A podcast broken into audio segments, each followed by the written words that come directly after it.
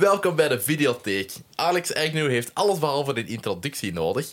Heb je hem gezien in zijn vele comedy shows Welcome to the EE of Fear Factor? Buiten comedy is Alex ook een geek in hart en nieren en is hij hier vandaag om Dune en zijn vele adaptaties te bespreken. Welkom, Alex. Hey? Bo. Nee. Wij zijn al een uur aan het eten geweest en zo, maar nu moeten wij zo doen alsof dat we Alsof dat elkaar jij zien voor de eerste minuut. Zo, hey, wat doe ik hier? Waarom ben ik in deze kamer? He has abducted me. Help me. Nee, Klopt. nee, het was kei lekker eten. Bo heeft voor mij gekookt. Het was Indonesisch en het was eigenlijk goed. Yes. merci. eh, Merci, Al. Merci, Bo, man. Mega cool. Het was, Ja. eh, het was zeer fijn om te maken. Het zou wel Dus, zijn. eh, Het was nog fijner om op te eten zelfs. dat- ja, ik, ik vond het zelf ook lekker. Ik kan niet liegen. Ja, nee, maar dat is altijd goed. Hè. Je zo zelf iets gemokt hebt waar je van denkt, ah wel, daar schaam ik mijn eigen niet Ja, voor. Hè. dat smaakt beter, hè. ja, dat is zo. Dat, ja. dat is zo van, dat is dan lekker en dat is dan de pure trots en ego dat dat, eh, ja, dat, dat daar zo doen we het voor. aanvult. Dat is typisch mannen koken. Zo. Dat is zo Ja. koken, dat Dat doet alleen maar dat je er, dat er eer mee te halen valt. Ja, hè. inderdaad. Dat je zo kunt zeggen, ah, er was volk op bezoek en ze zei het was heerlijk. Terwijl mijn vrouw die denkt, ja, ik kook elke dag hoe loser. Hè, zo, eh, Yep. Ik moet daar geen applaus voor hebben, dat is gewoon normaal. Dat- Ja. En als ik zo één ding gedaan heb zeg, ik heb de saus gemokt, hè, dan doe je zo dat. Ja, Zo ja. hopeloos. En wat vinden ervan? Wat vinden Wat vind je ervan? ervan? De saus, hè? vooral de saus. En zo. De rest dat maakt niet uit. Maar het was keigoed, het was kei lekker. Voilà. Ja, dat maakt de avond al, ik weet niet hoe tof eigenlijk. Ja, Dan voilà, nog wat over Dune gaan lullen, maar willen we nog meer. Absoluut, absoluut. Eh, voordat we aan doen beginnen, hoe gaat het bij je nieuwe show? Allee, ja, nieuw. eh, Allee, je zit er ondertussen al even aan het spelen. Ik ben hem al beu. Eh, nee, nee, kei plezant eigenlijk. Ik weet niet hoe goed. Ik heb net er vier achter de rug deze week. Twee in de Waranda in Turnhout, wat wel een heel coole zaal is. Mm. Ja, dat is tof. goede grote bak. En dan een even grote bak in Nederland, in Terneuzen. En dat was ook helemaal uitverkocht en kei tof. Nice. Nederland is wel goed aan het gaan bij mij nu ook. Ah, chill. Na een aantal jaar is dat toch, krijg ik er wat voet op de grond. Dan beginnen Cool. mensen eindelijk door te hebben van ah, dat is de beste komiek van België. maar Ik dacht dat je eh, van Nederland ging zeggen. ja, ja, sowieso, maar dat is hopeloos. dat land. Na Hans Steven en Theo Maassen is er niks niet meer gebeurd. Dat is eigenlijk niet waar. Die hebben veel goede comedians. Maar, eh, sorry, Ronald en anderen. Maar eh, nee, dat is, dat is echt kei tof om daar te spelen. Dat is een, omdat die, die show krijgt daar op andere plekken lach. Zo, die, die zijn ook altijd een beetje vooruit op ons op bepaalde dingen. Ja. Dus als je op bepaalde dingen kritiek geeft, dan die weten, die hebben veel meer achtergrond Ja, dan bij ons, waardoor dat die er nog harder om, om moeten lachen ja. eigenlijk. Is dat meer zo wat gelijk een Joker-publiek? Dat, Ja, dat een beetje vergelijkbaar, zo'n educated publiek, maar ook niet overal. Hè, want het hangt er vanaf waar in Nederland dat je gaat. Ja. Maar ik heb wel zo, ik heb vroeger heel veel in Nederland gespeeld, maar dan een hele tijd niet meer. En eigenlijk door daar weg te blijven, ben ik daar populairder geworden. Allee, is dat kei grappig, maar die zijn mij zo wat beginnen volgen. Ja. Mijn podcast heeft daar ook wel wat beluistering. Ja. Niet superveel, maar wel... En dat krijgt altijd wel aandacht. Je hebt daar zo'n cabaret-site, Zwarte Kat.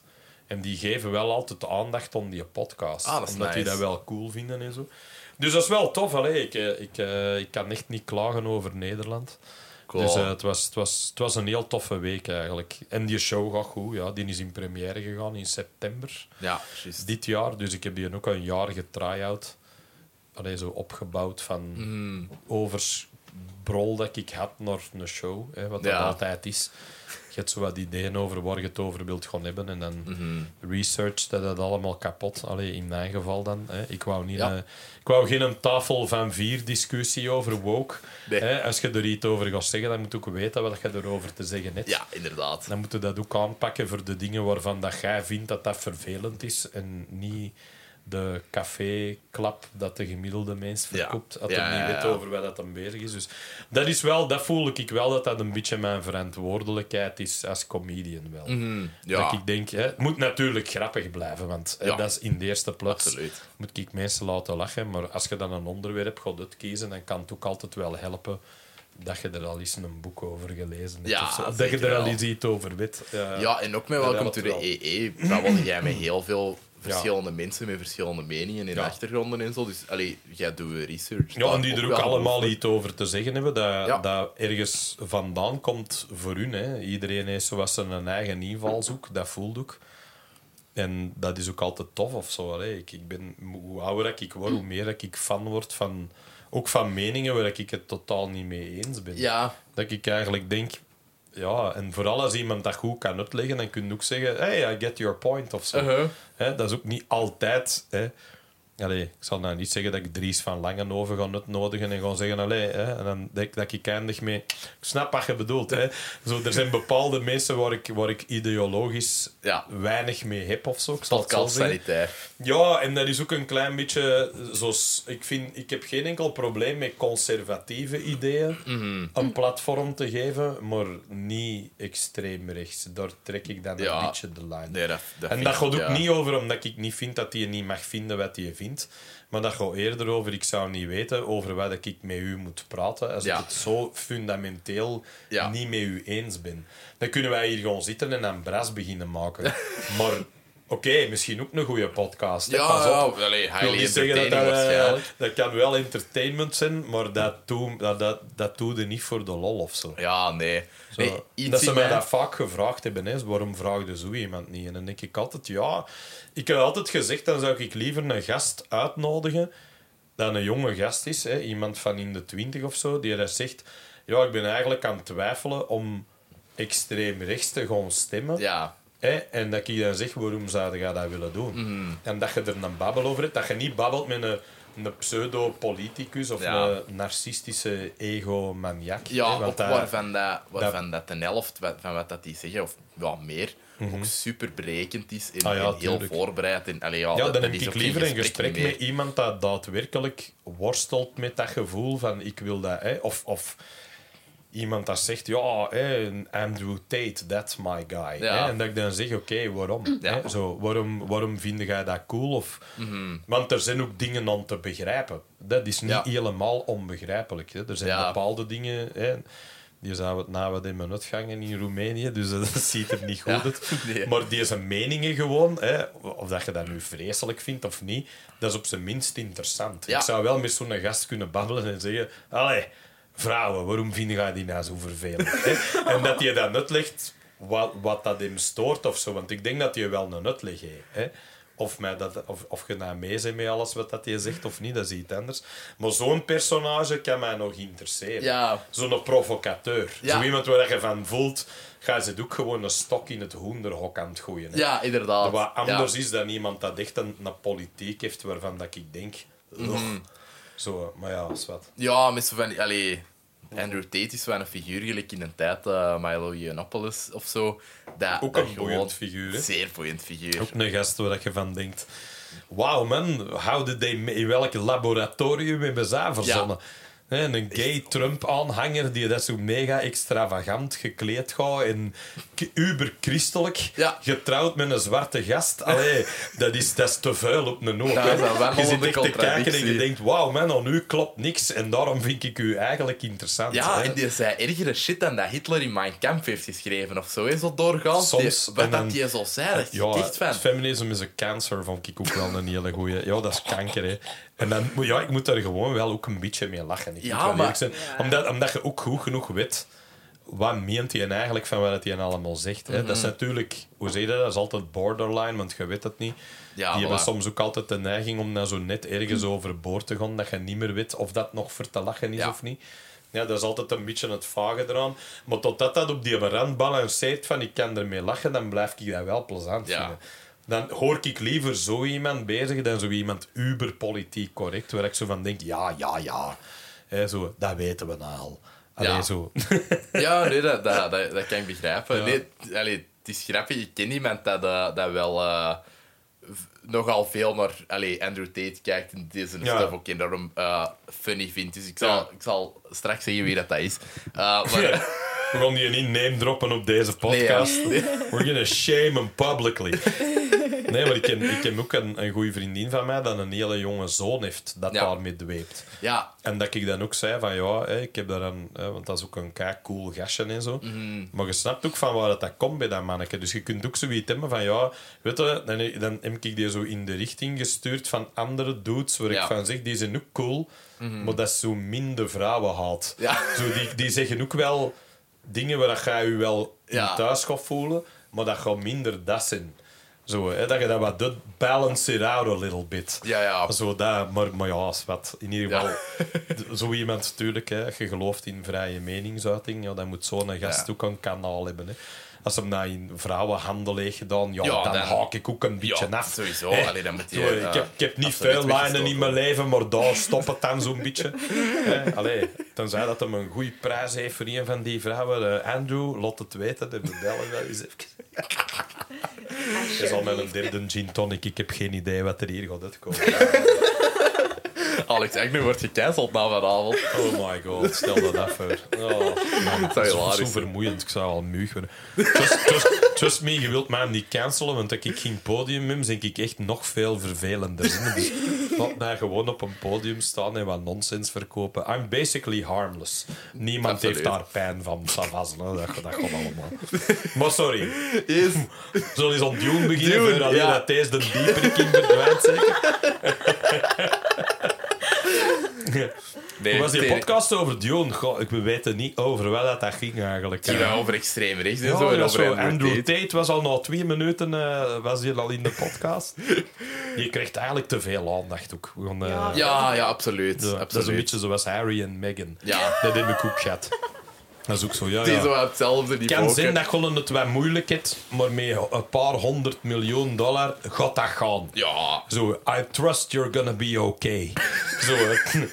zo, ik snap dat, hè, Bel Air, het is aan betaald, hè, als het zo altijd warm is, maar hè, sprinklers, die geven er nogal wat geld aan uit. En in, eh, whatever. I don't know. Sorry. Alright. Yes, Ja, de- hit me. Ja, dus we gaan beginnen met het boek. Uh, Ja. Ik heb een klein intro voorbereid daarvoor. Oké. Ja. Dune is gepubliceerd in 1965 door Frank Herbert. Het boek werd snel een hit bij sci-fi en fantasy-liefhebbers en brak hierdoor door het dikke vlies van de popcultuur. Het werd meteen vergeleken met The Lord of the Rings en na deze uitgave begon Herbert meteen aan zijn volgende boeken in de reeks. Frank Herbert schreef uiteindelijk een zesdelige Dune-reeks, waarna zijn zoon Brian het overnam en, eh, de rest, om de rest van de reeks te schrijven. Vandaag zullen we enkel het eerste deel bespreken, omdat eh, enkel deze prominente verfilmingen kreeg. Ook, Ja. we gaan het keihard spoilen. Dus als je Dune Part 2 wilt zien en niet gespoild wilt worden eh, later, 2023, dan eh, raad ik u aan om ofwel het boek te lezen, ofwel een David Lynch film te zien, Mhm. eh, of gewoon te wachten tot, ja, is dat, november 2023, denk ja, ik. November deze jaar. hè. Ja, inderdaad. Ehm, dus ja, onze excuses, maar ja, we gaan het wel... eh, Ja, het is ook maar een boek uit 1965, dus ik Je- snap... eh, je hebt wel tijd heb nog in een tijd gehad verdiend te lezen. Die film van Lynch is ook al van wat, 83 of zo? Eh, Welk jaar is 84 dat? denk ik, 84. ja. Alright, oké. Ja, Ja, voilà. Dus, eh, geleden, alles iets. Dat is in ieder geval al lang geleden, ja. Ja, Ja. wij waren nog eh 15 jaar niet geboren toen.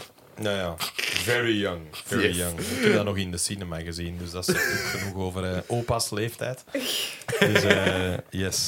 Ehm, ja, hoe heb jij Dune ontdekt? Eigenlijk, ehm, hoe is dat begonnen bij mij? Dat was, ik, ehm, ik ging vaak met mijn vader naar Brussel als ik jonger was. En mijn vader kwam uit Engeland, maar die woonde in Antwerpen en die werkte eh, ook geregeld in Brussel en zo. Maar wij gingen er soms ook naartoe. Hij kende die stad ook redelijk goed, omdat hij daar ook een tijd gewoond had. Mhm. En er is een... Je hebt zo de Anspachlaan en Ja. dan heb je zo de, de eh, Adolf Maxlaan. Hè, Ja. Boulevard Adolf Max. Dat dat is wat de verlenging van elkaar. Als je richting het Noordstation gaat, wordt Ja. Anspachlaan eh, de. Adolf Maxlaan.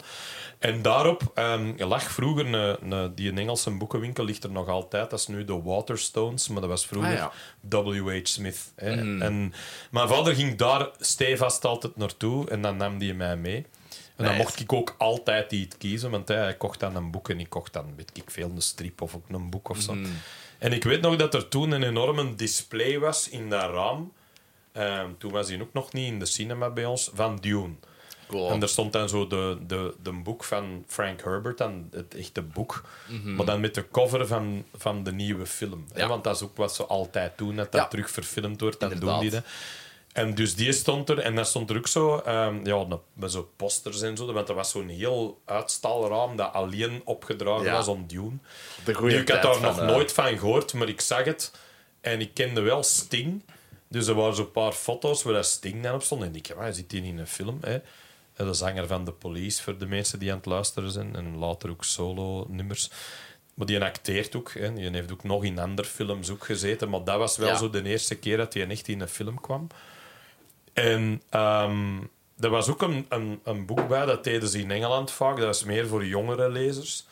Dat was zo de, de Dune Storybook. Was dat. En dat Ah, ja. zo eigenlijk een, een- gewoon het, het verhaal, hè, maar dan met foto's bij van de film. Ja. En ik mocht dat hebben. Hè. Dus ik zei, ja, ik wil dat eigenlijk. Want ik was... En ik ben dat beginnen lezen. En ik was eigenlijk helemaal mee met dat verhaal. Ik vond dat iets heel cool of zo. Ik vond dat ook een heel andere eh, manier van sci-fi dan dat ik gewend was. Mhm. Ja, hè. Star Wars op dat Star Wars. Buck Rogers, Flash Gordon. Hè, zo... Tjoe, tjoe, tjoe, tjoe. En ineens kreeg je dat. En je denkt, wat is dat allemaal? Mhm. En toen, ehm, dus daar is het eigenlijk mee begonnen. Dus ik heb eigenlijk die storybook eerst gelezen, voordat ik de boek van, van Frank Herbert gelezen. Mhm. En mijn allereerste versie daarvan was ook in het Nederlands, hè, Duin. Zalig. En ik heb dat toen gelezen en ik vond dat, ja, als jonge gast, eh, nogal ingewikkeld. Ja. Hè. Sowieso, Het is, het is, het nogal veel. Ik was toen elf of zo, denk ik. Dus echt jong, hè. En ik was dat, ik was dat toen ehm, aan het lezen en ik vond dat heel... eh, ja... Vermoeiend. 11 of 12. Heel vermoeiend. Allee, Ja. zo dat ik dacht, maar wel interessant. Want ik bleef wel... Ik was wel gefascineerd door die wereld of zo. Maar ik voelde ook wel dat zo de... De korte inhoudversie ik wel beter snapte dan zo het volledige verhaal. Want dan voelde ik ineens dat er nog een hele hoop andere personages bij komen kijken dan in de Lynch-film. Hè, die, Ja. eh, hè, dus dat je ook voelt, oh my, hè, de, je krijgt ook veel meer uitleg over personen als, als, als Gurney Halleck of als, als Tufir Hawat en al die figuren. Hè, dus de, je, voelt ook dat, je krijgt dan ook heel die achtergrond over eh, die Dr. Yue, dat dan Ja. eigenlijk eh, van de SUC-dokterschool komt, die dat zo'n teken op hun voorhoofd hebben dat eigenlijk imperial conditioning is, wat betekent dat die niet om te kopen zijn. Valt dat even tegen. hè? Inderdaad. Spoiler alert. Maar in ieder geval, hè, dus, dus het is, dat, was, dat werd wel veel breder of zo, dat verhaal. Je voelde wel van, oh, er is nog van alles aan de hand, dat je eigenlijk een beetje in, aan de zijlijn opvangt in de film. Ja. Zeker de Lynch-film toen, uit de jaren tachtig. Wat je nu wel iets meer uitleg krijgt in Denis Villeneuve's film. Wat ik ook al wel direct een goed idee vond, dat ze hem die aankondigde, dat hem zei, ik kon dat in twee delen doen. Ja, absoluut. Dat ik dacht, ja, want als je daar... Want die... die, die ehm, we zullen nog even over de boek babbelen, voordat we over David Lynch zijn Ja, film beginnen. maar de boek was ook, ja... Dat heeft een aantal vergelijkingen met Lord of the Rings. En je snapt, snapt ook wel waarom. Omdat er, ook, er zit ook zo'n heel lexicon in met, met woorden dat de Fremen gebruiken. Ja. Maar dat ook gebruiken zijn in dat universum. Je hebt zo de, de Chome Company. Dat zijn dan zo de, de handelaars in spice. Ja. Eh, Zo wat eh, NG, eh, basically. ja, dat is een beetje dat. Of je hebt dan, je hebt dan de, de, de Spacing Guild. Hè, Mhm. En waarom dat die belangrijk zijn. Hè, omdat die ja, het universum, het keizerrijk zou niet bestaan als die er niet zijn. Nee, want die regelen alle ja, Ja, interdimensional travel en Ja, zo. die gaan van één plek naar een andere. Maar hè, het hele principe van die hun space travel is het eh, principe van folding space. Hè. Dus dat Mhm. je twee punten hebt en je plooit die op één, dan heb je een wormgat. Ja. Mhm. Dus je legt eigenlijk die afstand niet af. Hè. Traveling without moving. Maar tegelijkertijd, die guild navigators dan, die navigatoren, die hebben spice nodig om te kunnen navigeren. Ja, om dat te Want- kunnen zien. Ja, want anders die kunnen die de weg niet vinden en dan vliegt iedereen verloren en dan valt heel dat keizerrijk uit elkaar, omdat die planeten basically te ver uit elkaar liggen Mhm. om te kunnen bereiken als je niet die eh, Ja. space travel hebt. Vandaar dat de Spacing Guild zowel de machtigste organisatie is in het universum, buiten degene die een eigenlijk Arrakis of Dune, hè, de enige planeet waar Mhm. spice op gevonden kan worden, runt. Ja. Want als dat een vervelende is, dan heeft iedereen er last van. Mhm. Dus he who controls the spice controls the universe. Yep. Ook zo'n zin dat, dat terugkomt. Maar dat is ook wel een beetje wat dat, dat is. Hè. Dus, Mhm. dus je krijgt... Je hebt eigenlijk een keizerrijk. Hè. Het is ook... Hoe moet het situeert zich een beetje... Dat zijn allemaal mensen van de aarde eigenlijk, basically. Maar hè. 10.000 jaar later. Want die, die Fremen, Ja. dat zijn waarschijnlijk ook kolonisten. Alles, eh, hè, ja. alles. Heel, de, heel het universum zijn aardlingen die zo wat verhuisd zijn naar, overal, hè, basically. Ja, waar je bij de Atreides, eh er zou dan een soort Griekse tak afkomst in zijn, maar er zit ook iets ehm Angelsaksisch in. Ja. Hè, als je zo Ja. ziet hoe dat die afgebeeld worden. Ook Nederland. Ja. Allee, ergens ertussen Ja. gesprinkeld. Van, eh, Peter de Vries is Ja. een eh, personage. En er wordt ehm, in de Prinses Irulan tussenstukjes. Ja. Zo, eh, is er ergens in het midden van het boek ongeveer ehm, een momentje dat ze zo uitlegt eh, hoe belangrijk dat de Fremen de spanningsboog vinden. Ja, ja. Eh, Dat dat, allee, de...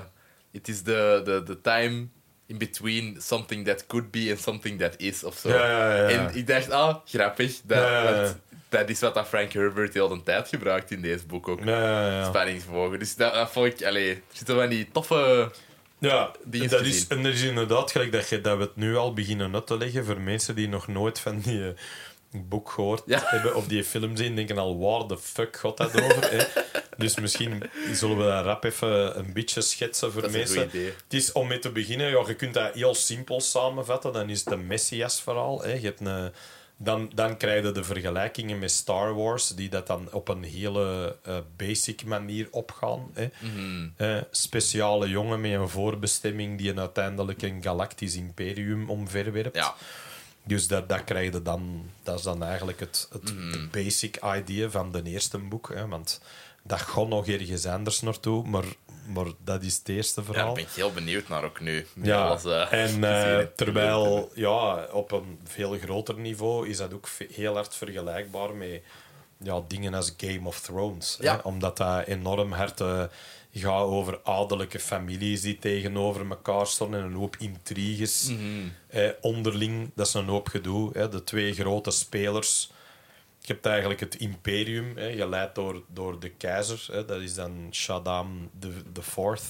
En die is een dochter, prinses Irulan, die dat Yes. eigenlijk ook de chronieken schrijft, basically. Hè, die schrijft eigenlijk het verhaal.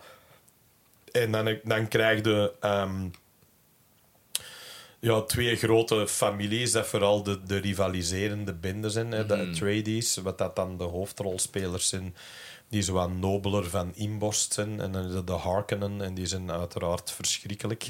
Want dat zijn de... Op elke manier. Op is elke manier zijn die verschrikkelijk. Ja, geen enkele goeie... Allee, of, Nee, of- er zit geen toffe tussen. Nee, ik zal het zo zit- zeggen. Dat is Zo, Fate Routha is nog de tofste of zo. Ja, en die is ook walgelijk. Ja, Dus inderdaad. Dat doet, dat doet er eigenlijk ook niet toe. Maar, Nee.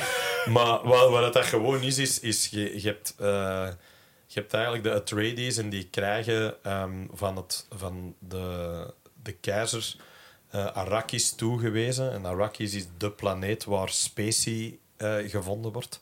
Hetgeen dat we net al vertelden, dat nodig is om, om eh, interdimensional space travel... Mhm. Ja, en om eigenlijk gewoon heel, intergalactic space travel Ja. eigenlijk. en om heel het universum te laten werken. Ja, hè, want eigenlijk alles runt op spice. En mensen runnen op spice. Die kunnen er verslaafd Dat is ook heel worden. verslavend. Hè? En een van de tekenen van verslaafd te zijn, dat is eh, de eyes of Ibad, hè, zoals ze dat noemen. Dat zijn blauw in blauwe ogen. Dus Mhm. Ja. uw ogen worden volledig... Hè, zo uw, het wit van uw ogen wordt ook blauw. Hè? Dus basically daaraan herkenden ze. En je hebt dan de, de, de lokale bevolking op Arrakis, dat zijn de Fremen, maar we, daar weet niemand echt goed van met hoeveel dat die zijn. Hè? Dat is zo'n beetje een... Niemand weet daar veel over. Hè? En de Harkonnen beschouwen die als een bende debiele natives. Hè? Ja. Die hebben er niks respect voor. Dus dat is wel een beetje het verschil tussen eh, de Atreides en de Harkonnen. Hè? Wat dan in de nieuwe film een beetje wordt, wordt uitgelicht. Eenmaal aan het begin met Chani er Ja. een uitleg. Maar je, hebt- je hebt eigenlijk de Harkonnen die jarenlang aan de macht zijn geweest. En die worden ineens verpla- hè, die worden van de planeet afgehaald. En de Atreides krijgen die planeet. Maar dat is een reden voor natuurlijk. Want de keizer speelde een spelletje samen met de Harkonnen Yes. om van de Atreides vanaf te geraken, omdat die te populair is bij een, de nobelen, hè, de landsraad. Zoals dat, hoe dat ook heet. Ja, in de Nederlands landsraad. de landsraad. Inderdaad. Dus dat is een, een, alle nobele huizen. En hij is daar heel populair, omdat hij ja, een beetje nobele, coole vent is. Ja, hè. en zo, die, Ja. heeft geen spatje, eh, de- allee, ehm, smaad op zijn naam of zo. Heel zijn familie heeft het altijd Nee, en dat ja, is ook, gedaan. die gaat ook, die, gaat ook, dat, die gaat ook die planeet naartoe. En je moet natuurlijk daar ook hè, spice minen voor, voor de universe. Mhm. Maar zijn aanpak is al direct anders als hem daar aankomt. Eh, namelijk dat hem, dat hem wilt samenwerken met de Fremen. Want hij, Mhm. hij ziet ook in of hij heeft door. Want het is ook een beetje, hoe zeg je dat? Een, een marriage of convenience. Want Ja. hij weet ook, hij heeft die nodig omdat hij een leger nodig Mhm. Ja, heeft. eh, omdat, Omdat hij hem- weet ja. dat het allemaal niet zo Nee. oké is. Allee, de- hij is- weet dat het- er wel iets kan het, gebeuren. Het is niet zo simpel en hij gelooft ook, hè, wat, wat, wat zijn. eh, je hebt dan ook de mentats, hè, dat zijn menselijke computers. eh, omdat je helemaal in het begin, dat is dan in de lore van Dune, Mhm. jaren ervoor een opstand gehad van machines tegen mensen, de Butlerian Jihad, waar dat dan al die ehm, robots zijn uitgeroeid, maar om dat nooit meer mee te maken, mogen er geen computers Mhm. niet meer zijn. Maar er is zo'n aantal mensen, zoals bij de Atreides is dat dan Tufir Hawat, en Yes. bij de eh Harkonnen is dat Piter de Vries. Dat zijn menselijke computers die supersnel denken en hè, bijna, allee, die kunnen berekeningen maken Mhm. op seconden. Wat heel cool is in de nieuwe film, dat die ogen dan wit worden en dat die dan zo supersnel Ja, dat is vet. hè, denken. Zodat, en, en ja, die, die vervangen eigenlijk computers. Ja. hè. Dus dat, dat is eigenlijk wat die doen. Dus, Wacht, ik heb even Ja. een vraag. In de Lynch-film ehm, hebben ze er echt een, een punt van gemaakt om die hun lippen zo super rood Ja, te maken. Allee, om zo de, de- de rode Ja. smudge rond die hun lippen te doen. Precies alsof dat die hun lippenstift zo is uitgeveegd of zo. Maar is dat in het boek beschreven? Want dat heb ik precies gemist. Ja, dat is de juice of Sappho. Dus dat drinken die en dat versnelt die hun Ah, brein. maar, ja. maar dat is eigenlijk net hetzelfde. Dat is vergelijkbaar met Spice. Mhm. Namelijk, hè, opens the mind en doe rare dingen, maar ze is ook mega verslavend. Ja. Hè. Want je hebt in de David Lynch film, maar daar kunnen we het dan straks over hebben, heeft Peter de Vries zo'n soort eh, mantra dat hij heel de tijd herhaalt Ja. tegen zichzelf. Hè. Dat is, die werd in die film gespeeld door Brad Dourif. Hè. De stem van. Chucky. Hè.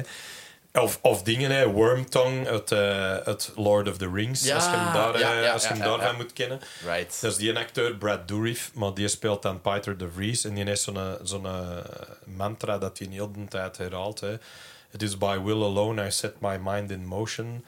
It is by the juice of Sappho that thoughts acquire speed, eh, lips acquire stains, the stains become a warning. Mhm. Dus hoe, hoe meer vlekken dat je op je lippen hebt, hoe duidelijker dat, dat er wordt, Ja. Mhm. dat je er harder en harder aan hangt. hè. Dus er is ook iets, maar altijd wel cool, er zit veel, eh, dat is een boek uit 1965, eh, een tijd waarin we allemaal begonnen te experimenteren met allerlei geestesverruimende Zeker middelen. wel. En dat was wel duidelijk dat eh, Frank Herbert daar ook wel kaas van had gegeten.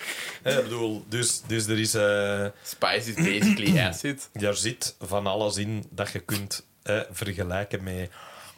Spice is aan de ene kant acid, aan de andere kant is dat olie. Hè. Ja. Dat is een belangrijke grondstof waar heel veel grote huizen voor strijden. En waar ook iedereen wil natuurlijk die planeet hè, daar, daar de, hè, de geraad van zijn, of noem het Yep. maar op, omdat je daar heel rijk van wordt. En het verschil tussen de Harkonnen, die dat er dan 80 jaar gezeten hebben, en de Atreides, die dat, dat dan overkrijgen, is dat de Harkonnen, ja, eh, hoe zeg je dat, meedogenloze uitbuiters waren. hè. Dus die zijn daarmee de rijkste familie geworden van alle nobelen. Maar die hebben dat ook verkregen door ja, gruwelijke omstandigheden. Hè. Ja, uit buiten en... eh, en- En eh, ik zal zo zeggen, waar je de, de Atreides hebt, die dat, eh, ook een nobel huis zijn en ook eh, ehm, daar naartoe komen om eigenlijk ja, ook die grondstoffen er weg te halen, want je moet het ook bezien gelijk Ja. dat is. Hebben die wel iets nobeler? Hè? Zijn dat degenen die wel dat willen doen in samenwerking met de bevolking? Ja. Terwijl de Harkonnen, ja, dat is ook een totaal andere cultuur. Ja. Hè? De, They want to squeeze it. ja, en de Atreides hebben een, een nobel huis, maar ook gewoon een, een soort... Die hebben dan dat ouderwets... Die ouderwetse ingesteldheid, die, hè, in onze tijden kennen we dat eigenlijk bijna niet meer. Maar zeker als je dat bijvoorbeeld aan het begin van vorige eeuw ziet.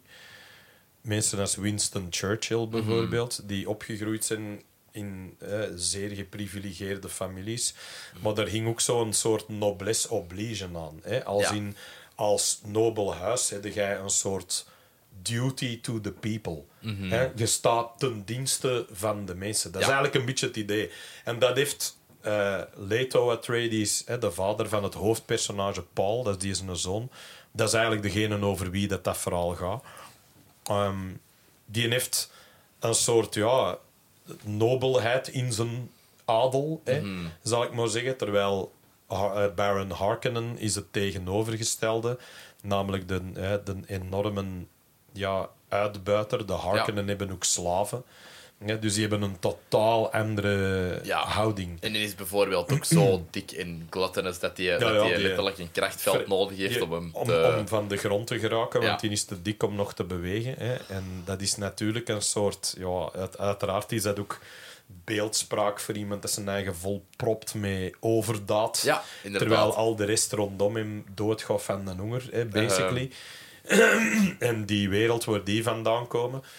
Ja, want eh, de Atreides komen van een planeet Caladan en er, komt, er, is, er is heel veel water op die planeet. Dus Ja. het tegenovergestelde van, zo, van, uit, van eh, Arrakis, dat alleen maar bestaat uit woestijn. En dan heb je aan de andere kant Gady Prime, dat is waar dat de, de Harkonnen vandaan komen. En dat is een industriële hel van Mhm. een planeet. Die hebben alles kapot vervuild. eh, die Ja. hebben heel hun planeet leeggezogen en kapot gemaakt. Dus dus dat, er zitten wel een aantal heel duidelijke Ja. verwijzingen naar wie dat wat is. Hè. Wat je wel een klein beetje ook had met Lord of the Rings, met Saruman, die een heel het bos omverhaalt en Ja. Mhm. de industrie ten opzichte van de natuur. Dus dat thema kwam ook nog wel terug Ja. in die tijd. Hè. Dus vandaar dat die vergelijking met Lord of the Rings ook wel ergens opgaat. ja, zeker. Omdat het ook een enorm verbeeldings... Hè, dat heeft heel veel verbeeldingskracht. Ik al zei, een lexicon met enorm veel woorden. Nou, dat ze dan de Fremen leren kennen, die gebruiken ook heel veel Arabische woorden. Ja. Hè. De dingen als de jihad, hè, dingen als ehm Sayadina hè, of zo. Of de, Mhm. de- de- het, het, het messiasfiguur dat Paul zou worden, is de Kwisatz Haderach. Maar dat, is, dat is Jiddisch. Hè. Dat is eigenlijk alleen Mhm. Hebreeuws. Wat betekent shortening of the way. Hè. Op, op, een, Ja. op een vele kortere manier een lange weg afleggen. Ja. Dat je dat doet op een manier dat iedereen zegt... "Eh, we zijn niet eens veel verder dan dat we dachten met de tijd dat we erover Uh-huh. gedaan hebben. Ja, Paul heeft ook vijf verschillende namen doorheen dat boek. Ja, Dat dus is- die heet Paul Atreides. Maar die, heeft, eh, die komt hem eh, nog even schetsen wie dat Paul is. Ook voor de mensen thuis, want ik weet het is een hele uitleg. Mhm. Ik vind het fantastisch. Bear with me.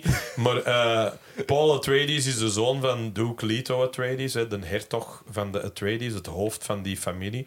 En die is niet getrouwd, maar die heeft een concubine, Mhm. hè, zoals het heet. He never married her, maar de vrouw is de grote liefde van zijn leven. Ja, hij wou die het heet- wel. Die heet, hij wou het, hè, maar die is, die, die, is ook natuurlijk noblesse oblige. Mhm. Die moet openstaan voor een huwelijk met een ander Ja. groot huis. Wat typisch is om...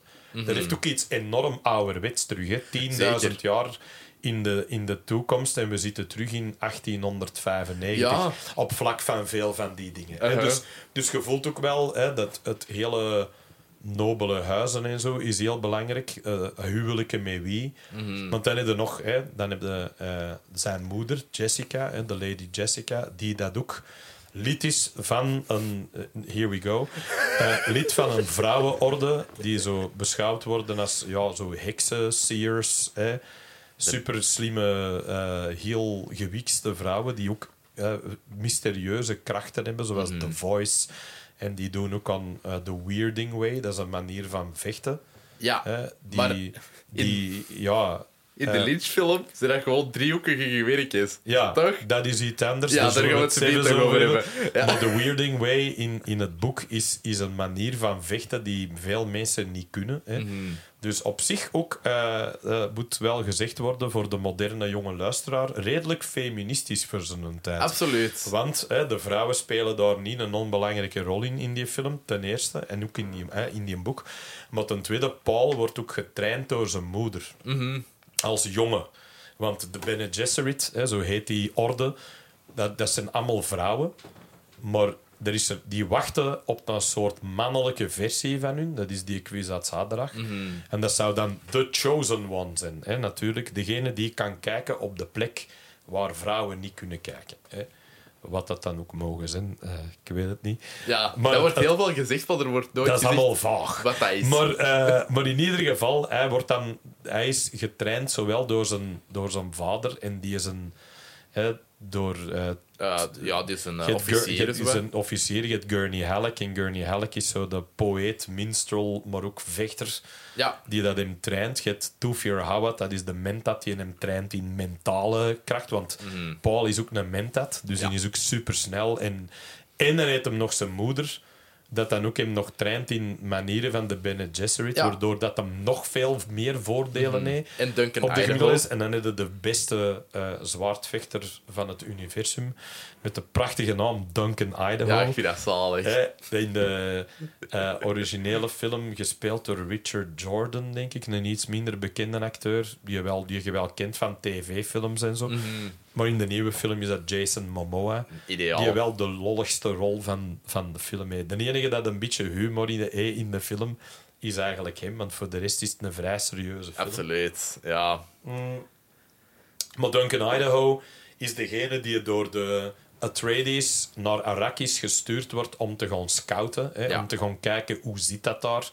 En die moet vooral een beetje de Fremen leren kennen en zien hoe dat die zijn. Dus hij is ook een beetje een soort ja, diplomatiek afgevaardigde, is wat veel gezegd, want hij gaat daar bijna... Hij, he kind of goes native, hè, want die gaat Ja. daar tussen wonen en die eh, leert die mensen hun gebruiken kennen wat meer moeite is dan de Harkonnen ooit gedaan hebben, want die bezien die gewoon als domme wilden die dan niet meer verdienen dan dat die hun planeet leeggezogen wordt. hè.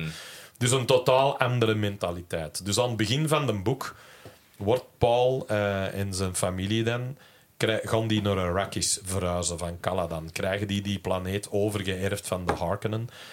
Die, als ze daar arriveren, hebben ze ook heel duidelijk door. De Harkonnen hebben van alles gesaboteerd. Hebben ervoor gezorgd dat dat een heel moeilijke start is. Ja. Terwijl dat die wel een bepaalde specie-productie moeten halen om niet in onmin te vallen Mhm. bij de keizer. Hè. Dus dat is eigenlijk een beetje de, De opzet, hè. de opzet. En dan heb je daarbovenop ook nog eens de Bene Gesserit die op Arrakis gezeten hebben. En eigenlijk dat volk al een beetje geconditioneerd hebben voor het komen van die grote Ja, Messias. dus hè. die hebben En daar zoals- legendes geplaatst. Voilà, en, zoals eh, Sun die noemen de Lisan al-Gaib, Ja. of the voice of the outer world. Hè, dus de andere stem. En daar komt hij dan aan. En ze herkennen in die, in, in die eh, profetie, herkennen ze Paul en zijn moeder. Mhm. Ja.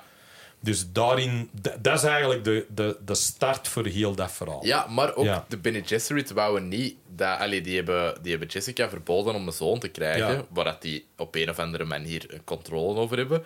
Die Ehm, hebben veel controle over van alles. Hè. Ja. Die doen ook op, over, eh, daar zitten ook dan in, eh, Indische of, of zo, eh, ik begriep in, zoals prana en bindu. Dat gaat over spiercontrole en ademhalingscontrole. Mhm. Wat dat die ook gebruiken, waar dat die klaarblijkelijk, als je je adem genoeg controleert, kun je kiezen of dat een jongen of een meisje gaat worden. dus hey, eh, way to go.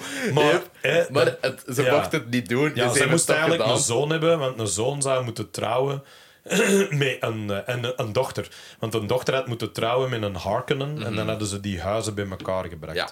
Want er zit natuurlijk nog, eh, en dat zit al wel in de eerste film van Denis Villeneuve, en dat wordt eigenlijk helemaal niet duidelijk in een David Lynch film, maar eh, de Baron Harkonnen heeft eigenlijk heel lang geleden eh, het hoofd van de, de Reverend Mother van, eh, van de Bene Gesserit, die Helen Mohiam, Ja. heeft hij verkracht En daar is een kind uitgekomen en dat kind is Jessica. Ah, Dus eigenlijk zit dat, is, zit dat in de... is Baron? Harkonnen de grootvader van Paul. Ah, Dus die ja, zijn al de- verbonden oké. familie geweest. Dat met wordt elkaar. gezegd in de Lynch-film, Ja, ja, maar dat wordt niet Dat eh, wordt niet heel duidelijk gemaakt, maar er zit, een, er, er zit dus een, eh, een...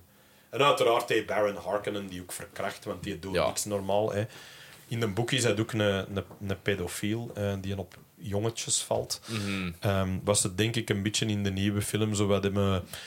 het was al aardig genoeg. Ja, Ehm, dat was niet de prioriteit. dat was niet de prioriteit en dat is nou ook niet zo heel erg. Maar eh, wat dat wel is, vind ik, omdat hè, dat was even een bepaald moment eh, dat er zo wat protest was in Amerika, as usual, hè, Ja. over van alles. ging ook over het feit dat hij heel dik was. En dat ze zei, ja, de bad guy, hè, dat hij dik is, is dat niet fatshaming en zo. Oh, maar dan is denk- dat echt ja, Ja, gebeurd? ja, zo van hem, die zou mager moeten zijn en zo. En toen had eh, iedereen wel zo weet, ja, als je een boek gelezen hebt, dat is wel symbolisch voor je. Ja, ja, Dat is inderdaad. niet, die is niet alleen maar dik omdat die... hey, fat guy, die is... Nee. Die heeft zijn eigen volgefrit Ja. met rijkdom waar iedereen anders rondom En, like, iedereen rond hem is super mager en geslepen. En, allee, zo, like, Ja, en- er zijn en heel plus- veel verschillende bodytypes en verschillende dingen. Plus, ik denk, ik denk ook zelfs dan, denk ik ook, ja, wat, wat, wat is een, een, dikke mens? Is dan ook alleen maar zielig dan? Of wat? Mhm. Allee, dat ik ook denk, of hè, moet iemand zijn waar je van zegt, och garmen, of moet altijd de gezellige dikke zijn? Ja. Terwijl, ja, Henry VIII was ook geen magere, maar ook niet zo'n heel toffe. Dus, ehm allee, het hangt er allemaal maar van. Het is maar hoe dat je het beziet. Maar in ieder geval, eh, dit even terzijde. Dus dat is eigenlijk de setting van het verhaal. En dan krijg je natuurlijk de Atreides die naar eh Arrakis gaan. En dan worden die uiteraard verraden door iemand in hun midst. Die dat dan, hè, want de, de stad waar die zitten, Arrakeen, heeft een, een krachtveld eh, dat hun beschermt tegen aanvallen en dat wordt naar beneden gehaald door iemand onder u. En dan vallen de Harkonnen binnen en die roeien door 80% Met van de Sardaukar. de Sardaukar en de Sardaukar. Peoples at home. Eh, wie dat er nog kan volgen, eh, antwoorden op een gele briefkaart, weet het dan nog. Ik vind, Maar, het, ehm, ik vind het heel ja. comprehensive hoe dat je het aan het uitleggen. Je Ah, bent Oké, echt gewoon aan Duidelijk, ik ben mijn best aan het doen. Ja. Je hebt de Sardaukar en de Sardaukar zijn de Imperial eh, Stormtroopers. Hè. Dat zijn de gevaarlijkste vechters in het universum, denken we. Ehm, want die zijn rete gevaarlijk. Die trainen op een planeet dat ook de gevangenisplaneet is, Ja. Salusa Secundus. En als je die dingen te zien krijgt in de film, vooral van, want dat kreeg je niet te zien in de film van Lynch, wordt alleen nog vermeld. Maar ehm, in de film van eh Villeneuve zie je het wel. Ja, en juist. dat is zo'n soort helplaneet. In het begin nog, hè? Ja. Ja. dus je ziet allemaal mensen ondersteboven hangen met hun keel opengesneden, hè, waar ze dan dat bloed gebruiken om, om die Sardaukar dat teken te geven. Die spreken ook zo'n heel vreselijk lelijke taal, wat heel cool is. Je hebt ook zo die een toren met dat... Mhm. Ja, juist. Want het begin van de film is letterlijk Sardaukar. Hè. Dat is zo... Ja. Dat, als dat begint, Dat is waar. dan is dus weet, oh, wat is deze? Dus de Sardaukar zijn de meest gevreesde troepen in het universum.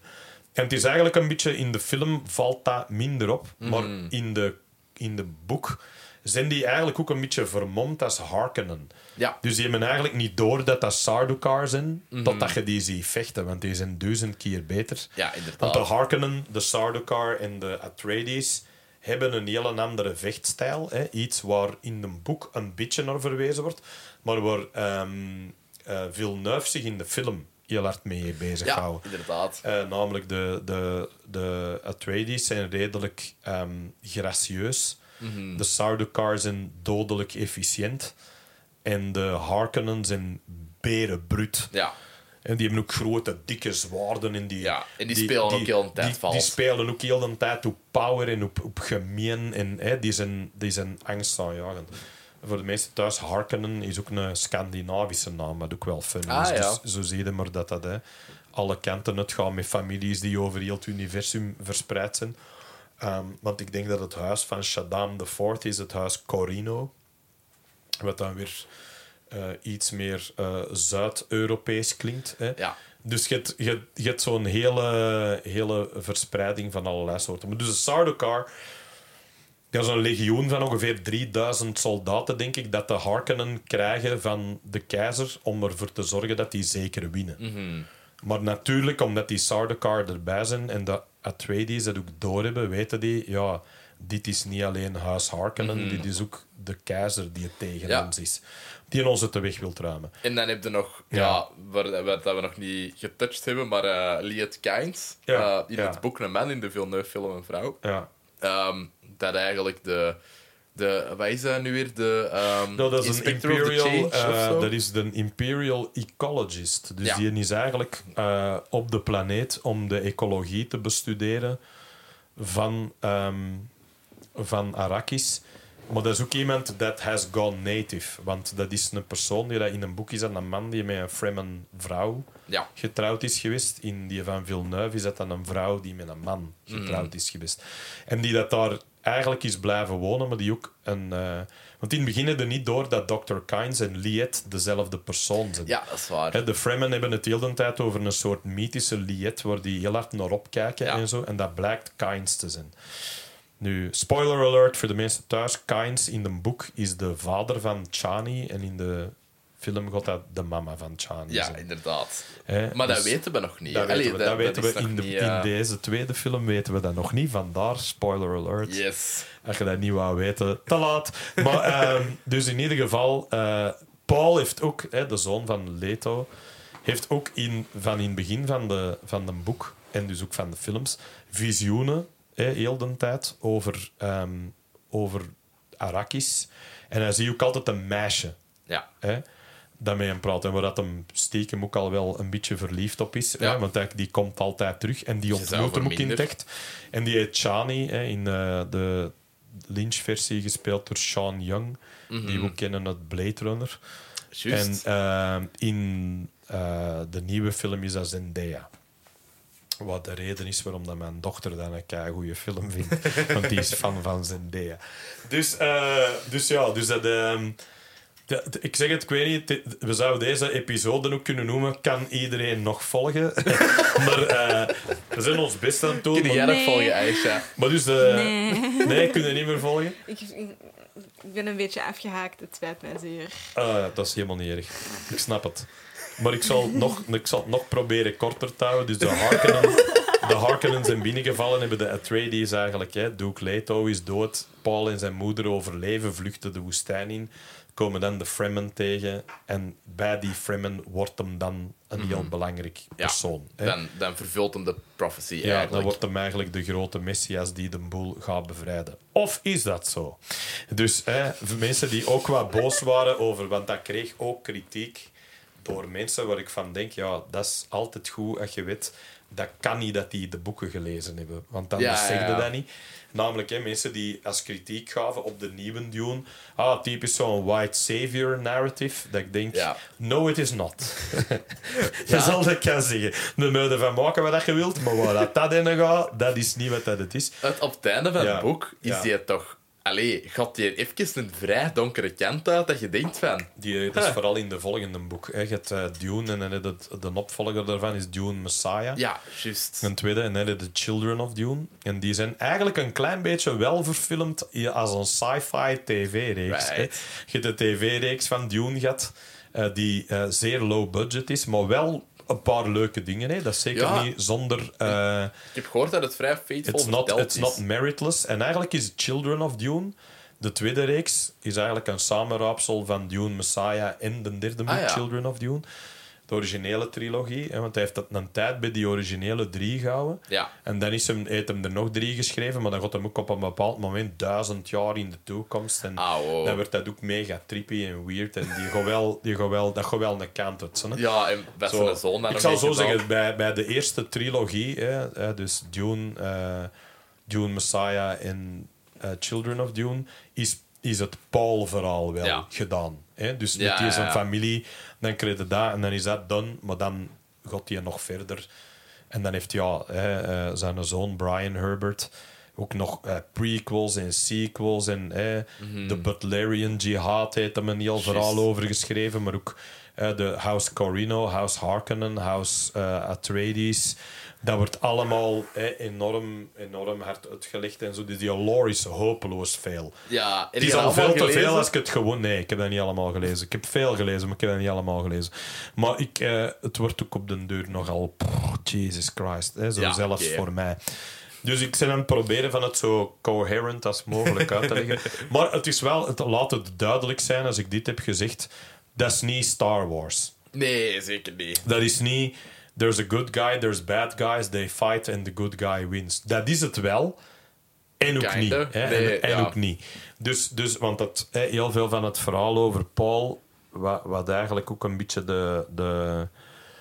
Herbert was een beetje hetzelfde als, als andere grote schrijvers, zoals C.S. Lewis en, en J.R.R. Tolkien. Mhm. Geen fans van allegorieën. Dus die hoorden niet graag. Ah, jij bedoelt dat hiermee. Ja. Maar dat was wel. Hè? Mhm. Want je kunt dat ook niet, je kunt dat ook niet ehm, wegdenken dat dat niet zo is.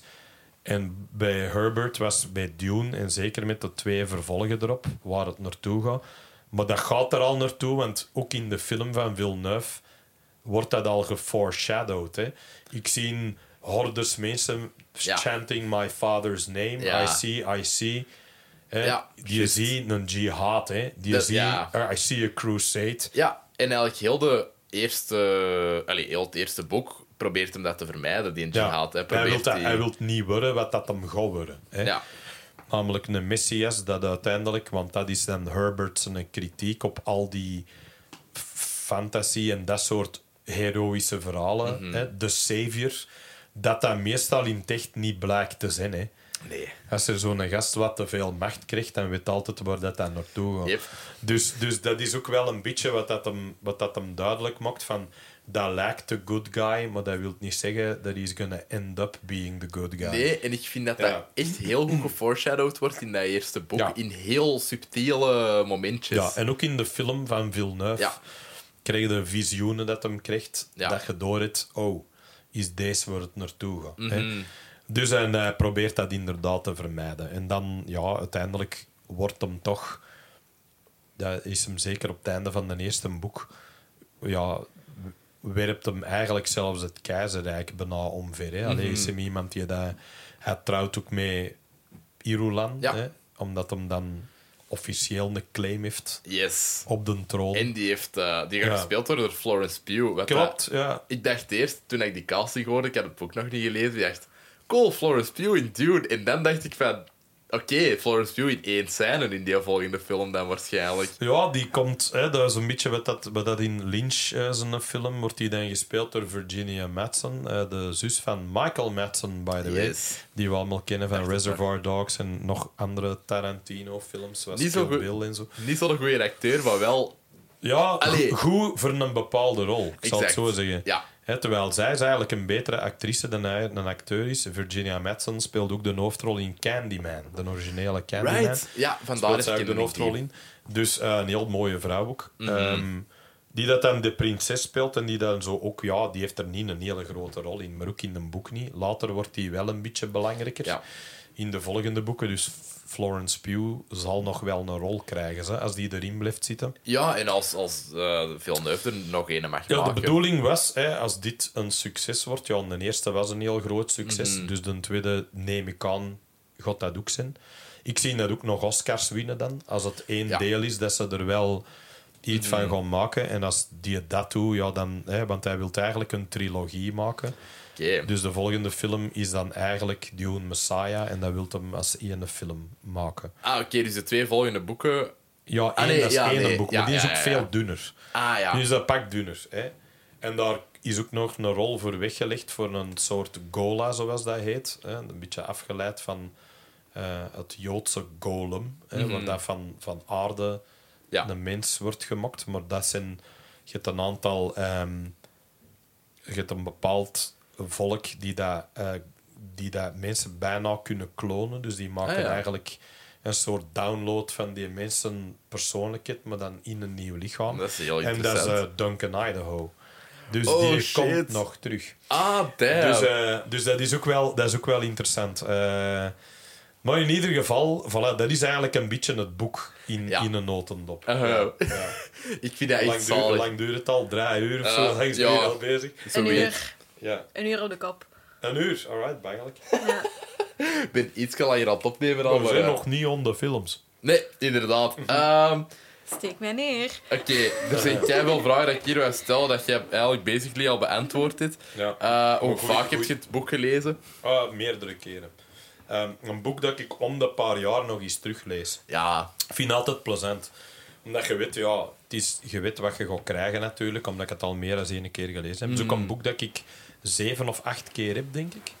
zalig. Ehm, zo elke coole editie ervan koop ik voor een of andere reden. Dat ik dat dan zie staan. Ah, is gewoon, pak dat mee.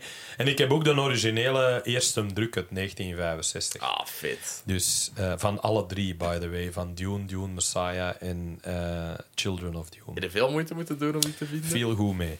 Ik heb er wat chance mee gehad. En ik heb ook chance gehad met de prijs. Want ik heb al andere dingen zien staan dat ik dacht, wauw, dat had ik er nooit niet aangegeven. Ja, nee. Trouwens, ik tussendoortje nog even. Hè, de, de, de originele verfilming van Dune, de allereerste, ging door eh, Alejandro eh ja, daar wou ik het ook nog over hebben. Ja. gemaakt worden. Dat zou insane geweest zijn. En die heeft een, een eh, boek laten maken met allemaal designs in, door zowel Giger als Ja. door Jean Giraud of Möbius. ja. Een hele bekende striptekenaar. En dat boek is een storyboard met ook allemaal beelden en zo dat, dat eh, rondgegaan is in Hollywood. Er zijn een god, tiental kopieën van gemaakt of zo. Ja. Dat hem naar alle grote filmstudio's heeft gestuurd als, als soort dit gaat het worden. Mhm. Ehm, dat is uiteindelijk er nooit van gekomen, die film, omdat dat budget en die running time en dat, dat allemaal crazy niet, niet haalbaar geweest. Jammer, want dat had waanzin geweest. Dat had echt, want dat had echt de Holy Mountain Ja. on steroids geweest. Ja. Ik weet niet of je dat hebt gezien. Ja, ik heb dat gezien. Ja. Maar we hebben duizend, eh, hoe zeg je dat? We hebben in, in letterlijk tientallen films designs gezien die uit die een boek komen. Waarschijnlijk. In Alien, in Prometheus, in... Allee, er, zijn, er is een hele een gast dat zijn eigen daarmee bezighouden. Van, dat komt daarvan, dat komt daarvan. Ja. Nu, dat boek doet dus al een tijd de ronde en nog niet zo lang geleden was er ene te koop Oh, eh, bij eh Sotheby's, denk ik, of Christie's, een van die grote veilinghuizen, Ja. had dat liggen. En het begon aan 35.000 eh, euro. En ik heb overwogen van erop te bieden. Hè. Dus ze stuurden dat mij. Ze zeiden, Alex, hè, was dat, hè, is dat misschien niet voor u om op te bieden? En ik dacht, ah, misschien wel. Hè. En dan beginde zo in uw kop te zeggen, wat zouden daar max aan geven of zo?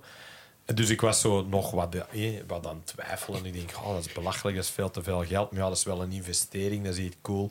En je is zo aan het denken. Ja, ik en ik het- vergeet dat ook een beetje. Hè. En twee weken later staat er in de krant... eh, ehm, dus dat boek is gegaan voor 2.350.000 dollar. holy shit. Dus ik, had, ik, had het niet kunnen gekocht hebben. ik zal het zo zeggen. Mijn bod was sowieso niet goed genoeg geweest. En nog niet bekend. hell. Dus, eh, dus dat was wel insane, want de fokken had dat naar mij doorgestuurd. Hè. Hey, Tuurlijk kerel, heeft de iets- fokken dat naar u kerel, iets doorgestuurd. voor jou. En ik stuur... Oh, misschien ga ik wel een bod doen. En dan heb ik dat, dat bericht naar hem doorgestuurd.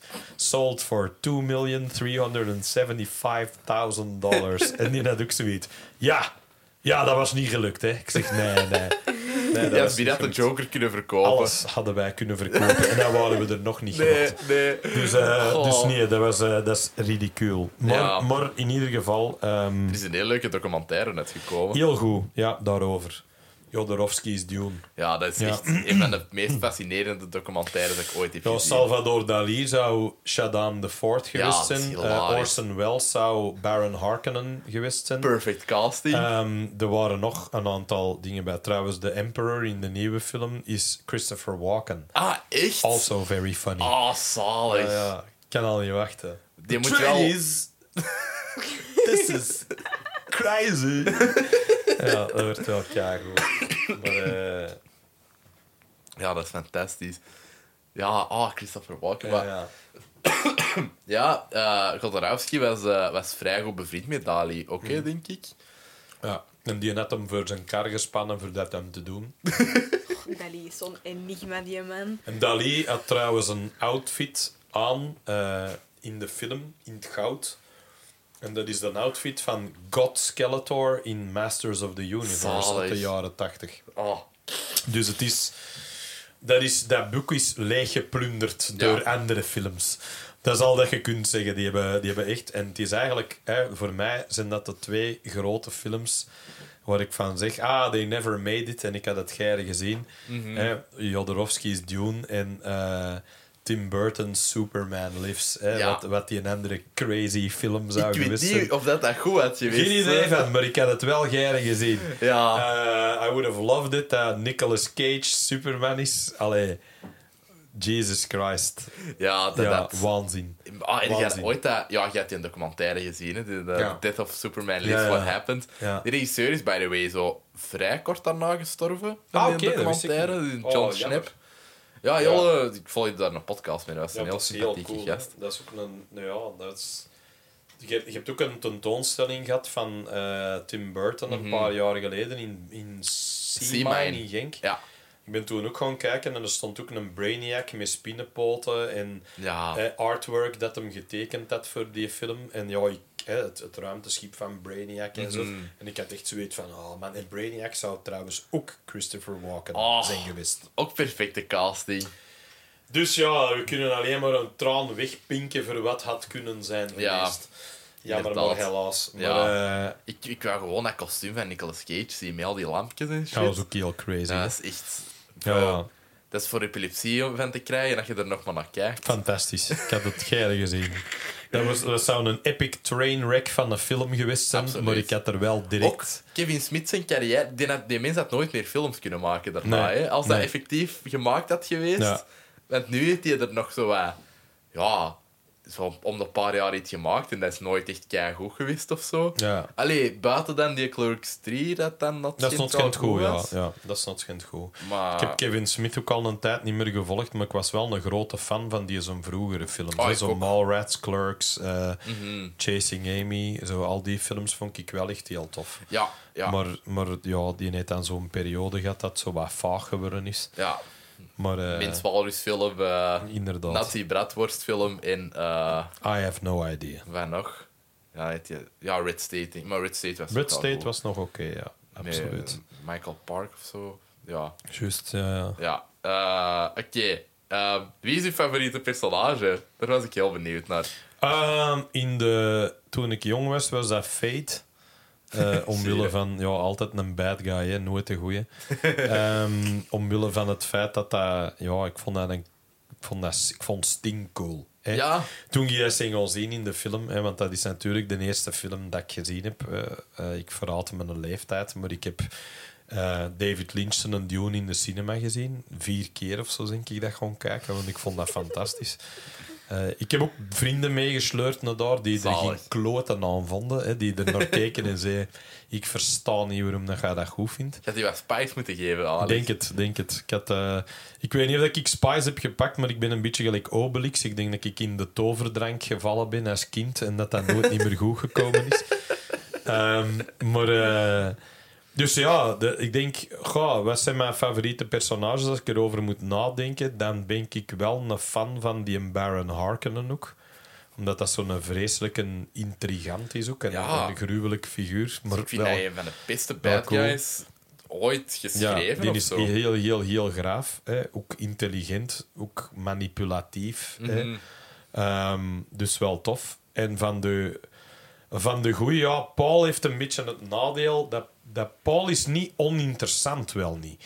Want er zijn veel helden van verhalen die meestal... Hè, Luke Ja. Skywalker is boring as fuck. Ja, hè.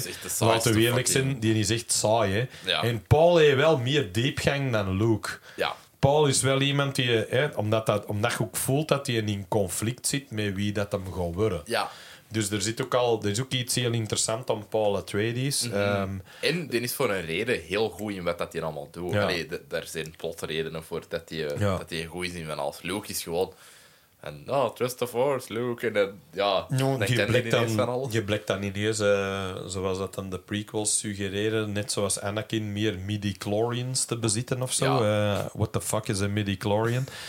Terwijl bij Paul is gewoon een samenval van een hele hoop omstandigheden. Ja. Hè? Die is wie dat hem is, omwille van zijn moeder, omwille van zijn vader, omwille van zijn training, omwille van de mensen die dat hem maken. Ja. Hè? Waardoor dat hij een waanzinnige mengeling wordt van van alles en nog wat. Waardoor dat hij kennis heeft die normaal alleen vrouwen hebben via Ja. zijn, zijn moeder. Maar die heeft ook militaire kennis van zijn vader en die is een Ja. dat, dat supercool leger dat hij heeft. Hè? En dan de Sardaukar, die dat we er straks nog even vermeld hebben, die de meest gevreesde vechters van het universum zijn, totdat ze de Fremen tegenkomen. Want dat blijken wel een bende badass motherfuckers te Yep. zijn. Hè? Die dat, de, de, de, de, de, native bevolking van Arrakis, die meer zo'n soort Arabische Bedouinencultuur hebben. Ja. Maar dan in de, in de, in de woestijn, hè, diepe woestijn. En die een manier gevonden hebben om daar te overleven. Hè.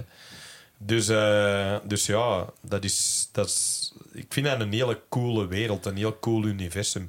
Vandaar dat ik van tijd tot tijd, ik heb dat ook met Lord of the Rings, maar dat heb ik dan meer met de film. Een boek heb ik ook een paar keer gelezen, maar twee keer denk ik, letterlijk een paar keer. maar ehm, de, ik, ik ga wel graag van tijd tot tijd terug naar die drie films. Zo die extended editions, dan zie ik die wel allemaal nog eens. Ja, dat is heel lang geleden En Dune heeft dat voor mij ook wel zo. Die wereld waar je graag naar op vakantie gaat. Ja. Even. Niet Dus, de meest eh, rustgevende dus vakantie, Dat maar... niet, maar, maar wel cool. Ja, voilà. absoluut. Yes. Ja, ehm, ik denk dat, dat die van mij eh, Stilgar is. Ook cool. De- Ja. Daar hebben we het eigenlijk totaal nog niet over gehad. Maar... Nou, de leider van de Fremen. Hè? Alleen van een bepaalde siege van de Fremen. Mhm. Want die wonen, hè, die sieges en vestigingen waar dat die wonen. En hij is daar een leider van. Ja, en dat is Javier Bardem in eh de Denis Villeneuve. In eigenlijk een hele leuke... En die, de Kenneth... Nee, hoe heet die nou weer al, die acteur? Eh, In de, in de Lynch-versie ah, is dat... eh, die zit ook in... die komt ook in Twin Peaks, onder andere. En zo. Ook zo'n Lynch-favoriet. Maar ik weet niet meer hoe dat Ah, hem heet. het ook niet maar ehm, een grave acteur ook. Met een heel diepe, zware stem. die had eigenlijk ook echt niks te doen hè, in die film. Shai Hulud. ja, dat is wel cool. Daar Shai hebben we het Hulud zelfs is nog niet trouwens over de naam van eh, degene die de specie produceren. En dat zijn namelijk de gigantische zandwormen die leven in dat woestijn. Nog iets dat we niet hebben gezien. Ofwel de makers. Ja, de makers, hè. Shai Hulud. Old Man of the Desert betekent dat in de taal van de Fremen. En ehm, die zijn heel belangrijk voor de productie van de specie, want die hangen samen met. Ja. En, dan, eh, en de, de messen van de Fremen trouwens, de Chris Knife, hè, dat zijn eigenlijk tanden van, Mhm. van de worm. Dat is ook een heilig ding voor een, Yes. voor een Fremen. Ook als Dus- er blad mee... Allee, als je iemand daarmee snijdt of zo. Allee, of als dat unsheath It wordt... needs dan- to draw blood. Ja, inderdaad. Al moet het bij je eigen doen. Hè. Je moet al moeten snijden in je eigen voordat je het terug in de schede steekt. Heeft dan een samurai-ding. Ja. Dan weer. Want dat tegen de samurai. Hè. Een samurai haalt nooit zijn zwaard boven zonder dat er bloed aan hangt, want anders moet hem het niet doen. hè. Mhm. Ja. Ook zo'n soort erecode-ding. Ehm, Dat is ook zo'n klein detailje dat je zo een paar keer in die Villeneuve-film ziet. Dat, dat als die dat uit de schede trekken en het is veilig, alleen ze weten van het Mhm. is oké, dat die allemaal gewoon casually zo Ja, even ja. in hun pols snijden en die dan terug wegsnijden Ja, wegsteken. Maar daar wordt niet op gefocust Nee, of zo. nee. Dat is gewoon iets dat, dat is die iets doen. dat je dan zo gezegd moet weten. Hè. Ja. Wat ook heel duidelijk is bij, de, bij, de, bij die messen dat de dingen gebruiken, de, de, eh, de, de tradies, dat Mhm. heeft wel iets weg van een short sword hè, van Ja. de Japanners. Hè. Wakizashi heet dat. Je hebt er zo twee. De katana is het lange zwaard. Wakizashi is de korte. Ehm, dus, dus er zit ook Ooster, er zit ook heel veel Oosterse Ja. eh, filosofie in. Hè? Want dat je dan ook in die boeken nog eens. Je hebt dan ook nog eens ecologie, dat je er ook nog eens bovenop krijgt. Eh, dus het is wel Ja, een hele boterham, die wereld. Het, wat ik ook een heel tof detail vond. Ja. Allee, detail is dat ehm, iemand van de Fremen vertelt Paul op een bepaald punt van ja, wij weten exact hoeveel water dat wij nodig hebben om hier een leefbare, vochtige planeet van te maken. Ja. Maar niemand heeft ons dat gewoon ooit toegelaten omdat deze te veel geld opbrengt. Ja, ja, ja. ja. En dat, dat, is, dat is snijdende maatschappelijke kritiek. Ja, dus het is, het is hè, heel veel van die dingen zijn natuurlijk ook een beetje een reflectie op wat altijd wat goede sci-fi altijd wel een beetje doet. Hè, want het zit, het zit ergens tussen. Hè, want uiteindelijk is bijvoorbeeld iets als Star Wars niet echt science fiction. Nee. Dat is meer een soort sword and sorcery vooral in space. Hè. Terwijl wat dit wel doet, is daar zit wel een groot deel Ja, science fiction in absoluut. omdat dat ook natuurlijk hè, wat dingen gelijk Blade Runner doen, of hè, boeken van Philip K. Dick of William Gibson, of Hmm. al die gasten, dat zijn allemaal mensen die kritiek hebben op de dag van vandaag Ja. vanuit een toekomstbeeld. En wat Orwell ook deed met Ja. 1984. Allee, noem al die dingen maar op. Al die dystopische romans, hè, wat is dat? Eh, Brave New World van Aldous Huxley, of Mhm. Fahrenheit 4-5, whatever. Van, eh, Ja. ja, je, je weet welke dat ik allemaal bedoel. Yes. Je kent ze allemaal. De hè. klassiekers. Dus, en die zijn ook klassiek voor een reden, omdat die natuurlijk een kritiek hebben op wat er kan misgaan als je totalitair gaat in een bepaald idee. Ja. Wat dat je bij Aldous Huxley dan meer met Brave New World een soort klassenmaatschappij hebt. Van Mm. de alfa's, de beta's. En hè, ga zich gemokt voor deze. Ik zeg je als een soort kastensysteem Mm. eigenlijk, basically. Terwijl hè, bij, bij Dune zit dat er dan natuurlijk ook in. Hè. Ja. Er zit een soort... eh, Er zit ook wel, hoewel het hem dan nooit in een boek zo doet, maar wat je bij de, hè, omdat het natuurlijk ook meer een film van deze tijd is en dat ook heel actuele thema's zijn, wordt nu wel hè, door Chani in het begin van Villeneuve zijn film een speech gedaan waarin dat ze eindigt met Who will our next oppressor be? Ja. Hè, wat niet is hoe de, de boek het ooit omschrijft. Nee, dat is waar. Maar een boek maakt het wel duidelijk door... Hè, Dat is een beetje show, don't tell, zal Ja. ik maar zeggen. Die laat, die laat wel zien dat daar ook een behoorlijke moodkolonisering in Zeker. Hè. Maar, ook, maar ook industriële ehm, eh, uitbuiting van grondstoffen. hè. Ja. Dus er zit... Het is, het is veel, hè, Ja. in ieder geval. Ik zal het zo zeggen. Ehm, voor, voordat we naar de, eh, naar, de lynchfilm gaan, eh, Mm. wil jij nog iets drinken? Want eh, Misschien wel. ik zie nu, ik zie nu die gewoon- ik zit hier gewoon pompelmoesstukken aan het toepeten. Ja. Alright. Ja, ik heb in de cinema gezien. Yes. in Cinema Calypso destijds. eh, voor mensen die zich dat nog herinneren. Vroeger hadden wij in de... In vroeger, opa gaat nu verhalen vertellen. Eh, we hadden vroeger in, de, in, in het centrum van Antwerpen waren er een hoop cinemas. Ja, hè. zo Roosevelt-plaats en en, de, en, en de Astrid. En zo. Al Ja. die hè, de bekende, hè, die, die, de Signor, de Odeon, zo al die dingen. En de Calypso was er ook een, die lag in de Kaleisstraat. En daar heb ik ehm Dune gezien. Als jong manneke denk ik die in de cinema gaan kijken. En ik weet wel dat ik... eh, ja, ik had natuurlijk die, die, die storybook al gelezen, dus ik wist eigenlijk het verhaal al wel. Ja. Maar er was ook een, een verschil. Ja, nu, hè, nu ga ik helemaal opa zijn. Maar we leven in een tijd nu met streaming en met eh, simultane films die over heel de wereld op hetzelfde moment uitkomen. Dat was niet waar. Hè. In de jaren tachtig kwam de film uit in Amerika. Nee, wat chance was die een, een half jaar tot een jaar later in de Belgische cinemas. Ja. Dus je had eigenlijk ook al in heel veel filmmagazines en zo al foto's gehad en artikels gelezen Mhm. en van alles erover vooraleer je die film gezien had. Ja. Dus dat was heel veel anticipatie. Hè, je moet dat bezien dat je een teaser-trailer van iets krijgt en zegt wow, cool, binnen een jaar is die er. Maar dat was bij elke film. ja. Dat je zo denkt, ah, dat duurde een eeuwigheid. Dus uiteindelijk kon ik die dan gaan zien.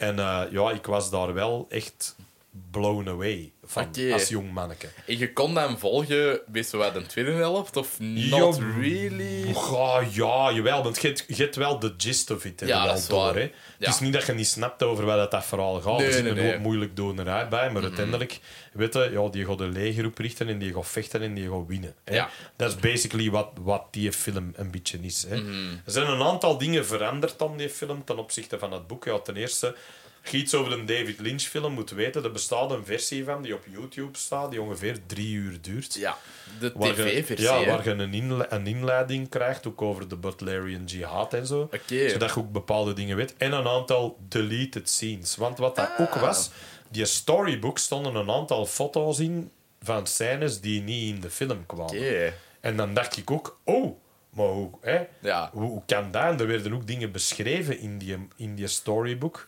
die niet in de, in de film kwamen. Ja. Wat er uiteindelijk met Thufir Hawat gebeurt, bijvoorbeeld, Ja. in de film, of dat, dat weten niet. Of hoe dat Gurney Halleck terugkomt, want dat is ook completely random. Ineens is hij er terug, ja. toch? ja dat, dat zie je niet in de, in de, in de langere... En Ah, je ja. weet dat hij een tijd met van die smokkelaars optrekt. En, en dat hij zo ook zo'n beetje native gaat in zo'n andere eh Fremen eh, Mhm. tribe. En dan komen Paul en, en, en Eh, Gurney, Gurney. elkaar terug tegen. Eh, gespeeld door Patrick Stewart, Ja, by the way, in de oude film. Hè, de, Professor Charles Xavier. en eh, Captain Picard hè, Yes. van Star Trek. Dus een geweldige acteur ook. Die dat, dat ook speelt met heel veel gewoon Shakespeareaanse gravitas. Gelijk dat Mhm. hij in alles speelt. Uh, Fear Howard is Freddie Jones, ook een hele bekende oude Engelse acteur. Ja. Waar de- heeft hij nu in nog gespeeld? Oh man, ik die kende goeie die vraag. Ja, wel. ik, ik- oh man, daar moet ik nu even opkomen. maar er zijn veel films waar dat die in zit. Moet je maar eens IMDb en dan weet het allemaal. Eh, de, de Leto Atreides, die in de nieuwe film gespeeld wordt door eh, Eh, er, eh, ja, Oscar Isaac. Oscar Isaac, is in de oude film Jurgen Prognov, eh, de hoofdrolspeler van Das Boot. Ah ja. Eh, een van de bekende, dat is de kapitein van Das Boot. Ja. Dat is die gast die dat, dat speelt. Ook de slechterik in Beverly Hills Cop 2. Mochten mensen het hun eigen nog herinneren. Ehm, eh, dus ook een, een hele goede acteur. Dat is ook wel een cast van heavyweights. Hè, want, want de slechterik Ja. Baron Harkonnen, die dat dan in de nieuwe film gespeeld wordt door Stellan Skarsgård, is in de oude film Kenneth Macmillan. Ook een beetje Amerikaanse karakteracteur. Die zijn eigen goed laat gaan in een Ja. goede overdreven. Shaddam the Fourth wordt gespeeld, of Shaddam the Fourth wordt gespeeld door jo eh, José of José Ferrer. Ja. Dat is de vader van Miguel Ferrer, die dat ook in Robocop zit. Ja. Dat is die gast ja. die dat het Robocop-programma uitvindt, Ja. eigenlijk. Mm. Dat is die zijn zoon. Dus dat is eigenlijk wel... Hè, dat, is, dat is een sterrencast. hè. Ja. Daar zitten heel veel grote namen ook in. En wat ik heel cool vond aan die film, want dat verhaal gaan we niet weer al overlopen, maar dat is... eh, de, ja, de, de uniformen, de kleren vond ik fantastisch. Mhm. Die stillsuits, die kleren dat de Harkonnen dragen. Eh, ook grappig het verschil in uitspraak. Hè, want in de nieuwe film zijn het de Harkonnen, in de oude film zijn het de Harkonnen. Ehm, en eh, zo heb ik het ook jarenlang uitgesproken omwille van die film. Ja. ja, want je Dus- weet dat niet echt. ja. hè. Gewoon een boek leest, hoe dat je dat allemaal Hoe dat je die uitspreekt. Want de Atreides moest ik ook wel even van... Ah ja, hè, wat is dat? Is dat Atreides? Atreides? hè? En dan hoorde het ze zeggen... Atreides. Nee, ja, Atreides. Maar het is hè, Atreides. En eh, dus ja, dat, dat, dat was voor mij wel zo... Er ging wel een wereld open of zo. Mhm. En toen ik die dan gezien had, als ik iets ouder was, heb ik dan het boek voor de eerste keer in het Engels gekocht en ook helemaal in het Engels gelezen Ja, je Engels omdat ik het wel wou lezen, gelijk op dat dat het moment. was. Ja, mijn Engels is... Ja, ik ben hè, Engelstalig opgevoed thuis, dus ik kon dat. Maar ik was toen ook ouder, want zelfs dat... Je hebt ook, ook nog altijd een leeftijd, hè. Ja, ja, ja. Als je op een bepaalde leeftijd een te moeilijke boek leest in het Nederlands, snapt er ook niks van. Nee. En, dan heb je pas, en, en veel van die onderliggende thema's je zelfs pas jaren later door. Ja. Hè, als, je dat, als, je, als je jong bent, lezen dat op een soort hè, surface level. Hè, je snapt wel al de, Mhm. Ja. de beweegredenen en zo, maar En dan de, al die onderliggende dingen en die, Mhm. die, die symboliek en al die dingen, dat is pas voor als je ouder hè. Ja, ja, ja. Dus ja. ja. Maar ik vond het wel... Wat vond jij er eigenlijk van? Van, eh, van de film, van de Lynch-film. Mhm. Eh, ik vond dat heel unlike Lynch. Allee, Ja. Omdat ik, ik heb wel het meeste gezien van Lynch. Allee, zo dingen gelijk eh, Straight Story en, en Inland Empire en zo moet ik nog zien. Maar zo, ik, Ja. ik heb de gist wel gezien van Lynch en ik vind dat wel cool. Maar Ja. deze is zo wat... Goh, deze deed mij dan zo wel wat denken aan zo Flash Gordon-achtige toestanden. Ja. Eh, Snap dat. Hoe dat het was gemaakt, vooral. Eh, Ja, ja, ook al vind ik, dat, vind ik dat mega cool. Ik vind dat het er wel... Allee, dat minder goed uit wordt dan bijvoorbeeld de originele Star Wars. Omdat dat... Ik vind dat ze daar net iets slimmer zijn omgesprongen met wat dat ze konden doen toen. Ja. Eh, maar dan nog, Dat allee, snap ik wel, kostuums super cool, eh, Ja. art direction super cool. De fucking sandworms zien er echt enorm goed uit. Cool, het, Daar verschoot ik echt van. van ah, Ja, en wow. ook, ook de, ook de, de je hebt bijvoorbeeld in de nieuwe film, als je die guild eh, highliner zet, die, die schepen, waar dat die, dan is dat zo'n soort bijna tunnel. Ja, Hè? Terwijl als je die oude, de oude film ziet, waar dat die invliegen, die schepen, die hebben ook zo van die eh, gedecoreerde poorten die zo precies komen uit, uit Versailles of zo. Hè? Ja. Dus er zitten ook heel veel ver- verwijzingen in naar hele oude culturen. Ja. Die uniformen ook, hè, wat dan de nieuwe ook wel, hè, want Ja. dat doen die wel allebei. Hè? Zo dat, dat, dat spelen met hele ouderwetse dingen en Mhm. hele moderne dingen. Wat ik heel tof vond. Hè. Dus ik vond wel visueel dat dat enorm... Die zwevende lampen en, en zo, ja, die kleren, die haarstijlen. Ja, Hè, want de- overduidelijk, de Harkonnen, daar zit een soort bondage... eh, ja, leather eh, ding in, maar ook, ook zo wat hè, iets punk, Ja. sting dan. ja. Ja, en eh, Ja. Die, die zijn allemaal... Wat ik raar vond, is dat de Harkonnens allemaal... Allee, of de Harkonnens allemaal ros zijn. Ja. En de, de, de Emperor dat die, en, en Prinses Irulan dat die blond zijn. Ja, Maar in een boek is dat andersom. ja, dat vond ik een, een interessant detail of zo. ja. Eh, zijn ze wat van weggegaan in de, de Denis Villeneuve film. Want dan zijn ze allemaal kaal, de Ja. Harkonnens. ja. Ehm, maar ik vond dat cool. Ik vond dat echt allee, En heel wit. heel, heel Omdat wit. dat ook heel duidelijk gemokt wordt dat die geen zon hebben. Nee. Waar dat die zitten. Dat is weggesmokt. Heeft- Dus die hebben geen... eh, die, die hebben geen... eh, die hebben niks, ni- niks van pigment niet meer. Nee, eh, Plus, nee. Die hebben ook zo die slaven worden daar ook heel raar in afgebeeld. Hè. Die hebben zo bijna van die, van die eh, nagelloze vingers. Ja. Die zijn heel... Die ziet heel weird, dat half spinachtig beest dat er rondloopt, Ja. dat wel handen heeft. Ja. Allee, er zitten die, gen, die manipuleren ook genen en zo. Allee, je voelt, Juist. dat is een foute bende, hè. Ja, ja, Zo, ja. Sowieso, eh, overal waar, dat je die, waar dat die verschijnen, zijn die altijd vervelend. Ook zo, Ja. de, de Spacing Guild in die Ja. film eh, werd er ook beschreven in dat boek dat dat basically zo van die blubbermonsters zijn. Dat zijn zo van die eh, Ja, grijze Jabba the Hutt ja. in die film. Maar ik weet niet, wordt dat in dat boek beschreven? Ja, er wordt eigenlijk gezegd dat degenen die de, te veel spice, de grote navigatoren, die, die muteren. Hè? Dus die krijgen Ah, ja. een ander lijf. Die beginnen er anders uit te zien, maar je hebt ook zo, je hebt zo first stage en second stage navigators. En, dus die hebben ook allemaal zo stadia van hoe aardig dat is. Hè? Want Ja. in Villeneuve zijn film zie je die ook heel even. Dan zie je niet echt een guild navigator.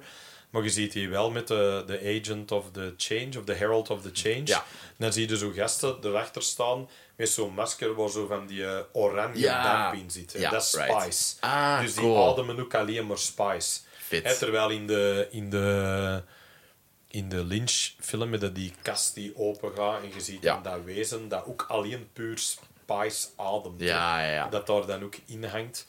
En die zien er eigenlijk ook redelijk cool uit. Wat ik ook heel cool vond, was dat je zo'n vertaalmicro kreeg. Ja. Dat je zo... En dat je dan hoort... The Bene Gesserit witch must leave. Zodat die, die dingen die er... Die, dus dat had gewoon heel veel dingen... Hè, ook dat die zo rare draden uit hun kop hebben steken. En die zijn allemaal zo weird. Hè. Die Harkonnen hebben ook zo dichtgenieten oren en Ja. dichtgenaaide dingen die dat er rond staan. Dus dat, dat, dat, suggereert wel iets heel pervers of iets heel. Ja, duisters. dat is waar. En dat, ik, vond, ik vond dat wel, ik vond dat ook visueel redelijk indrukwekkend of zo. Ja. Voor die een tijd. Hè? Want ik Ja. kan me ook voorstellen, als ik het nu terugzie, zie je natuurlijk ook dat bepaalde dingen die de tand destijds wat Ja. minder goed hebben doorstaan dan andere.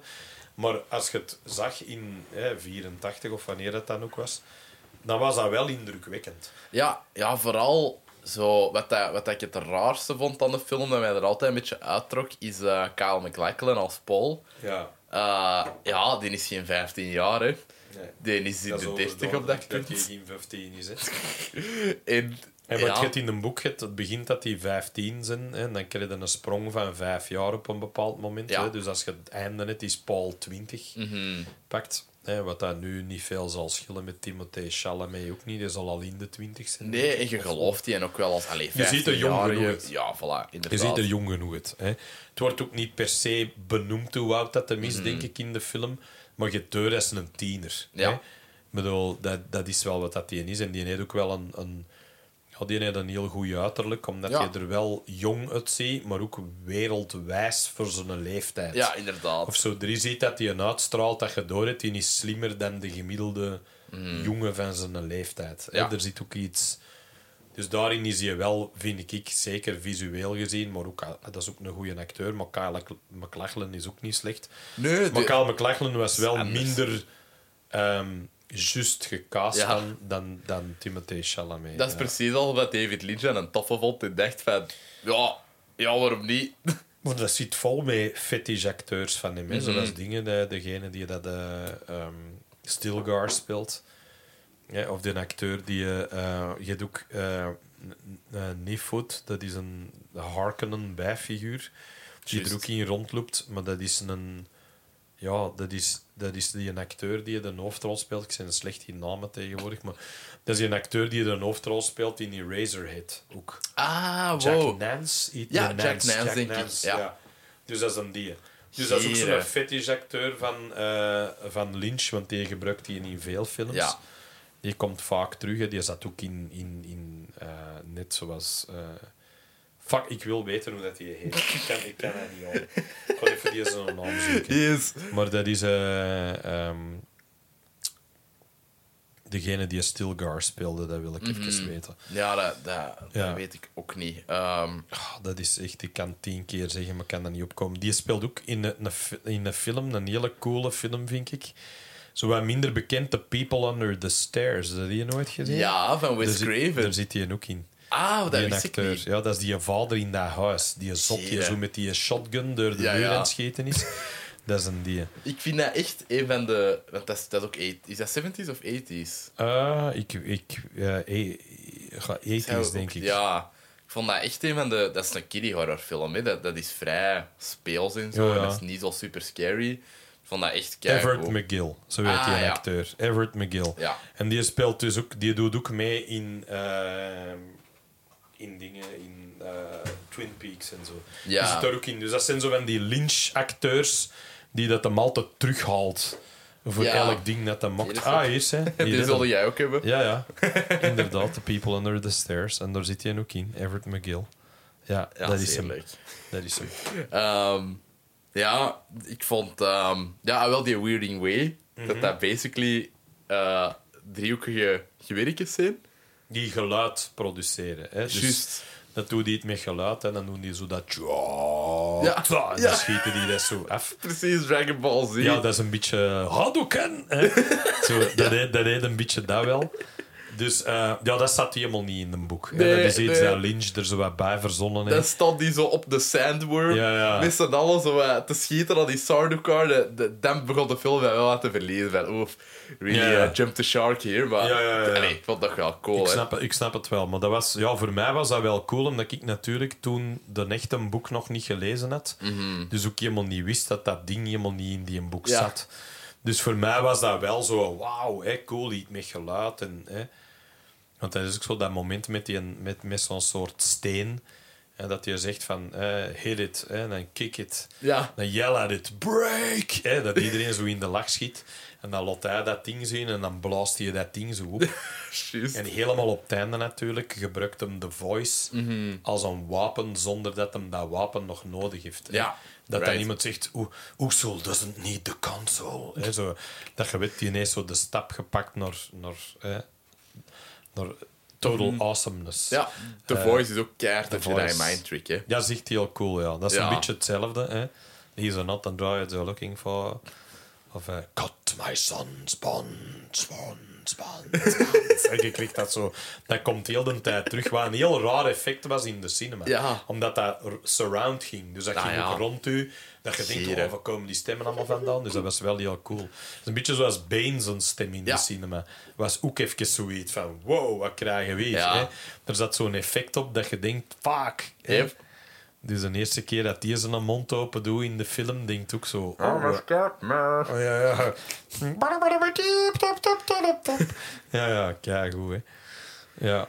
Oh, ja, de, de suspensors... Allee, ik heb het er straks al tegen u gezegd, off the air, maar eh, de suspensors van Baron Harkonnen, are, allee, die zijn super grappig. Ja. Maar Echt, allee, want ja, hé, je zit dat fi- figuur gewoon van het boek en dan van de van een veel, veel film en dat is allemaal vrij serieus gedaan en zo. Ja, En dan begint je daar ineens rond te vliegen in een of ander Ja, ja. grote ruimte. Ah! Ja, ja, ja, ja. Ik, vond dat, oh, ik heb er heel hard mee gelachen. Ja, dat heeft wel iets, eh, iets, iets een beetje funny ook, hè. Is dat niet die een dude eh, die een, ehm allee, de Tufir Hawat, ik, Ja. ik moest er net aan denken, die dat zo een stem in de Phantom Menace heeft ingesproken van, eh, van zo die een Gun-Gun-leider. Nee, dat is, eh, dat is dinges. Ehm, Dat is een comedian, hè? dat is een acteur die eh, de Gungan-leider is ingesproken door eh, Jonathan Rice Davis. Juist. Die dat eh, Sala speelt in Indiana Jones Right. films. Right, en die dat eh, Gimli is in Lord of the Rings. Ah, ja, ja, ja, ja. Oké, ja. en, was- en Treebeard ook, by the way. Ah, grappig. Little Oaks, Bora Room, dat is ook hem. ja, dat is dezelfde gast. Ja. Zalig. Ehm, ja, ja, zo zie je maar. ja. Ja. Je zit toch niet zo slecht met namen. Nee, nee, nee, het valt mee, het valt mee. Van tijd tot tijd. Kom Ja. en ga. Ja, voilà. Dat- De ene en al wat rapper als de andere. Ja, dat Som- ook soms, Sommigen heb ik echt in de aanslag en andere denk ik altijd, ah, hier moet ik toch even gaan graven. Zo, wie was dat nou weer? Ja, ik, ben soms echt met kei obvious dingen. En ik denk van, maar allee, we- hoe is dat nou mogelijk? Ja. Dus dat heeft niks met leeftijd te maken. Dan Eh, is het goed. Dan ben Rest assured. Thank you very much. Thank you, young man. Ehm, dialoog komt echt letterlijk uit het boek. eh merendeel van de tijd in de Mhm. Ja. film. Vond ik ook wel tof. Ja. Dat, ja, dat boek is enorm goed geschreven. Ja, en je hebt ook zo die, wat dat je daar hebt, wat ook niet bij Villeneuve is, wat ook soms leuk is wel. Ik zeg niet dat dat altijd moet, maar die hebben heel veel voice-over gedachten ook. Hè, dat die denken. Dat dat Ja. hij binnenkomt en hij zegt, eh, yes, I know Thufir, I'm sitting with my back to the door. Mhm. En dan zegt hij mij...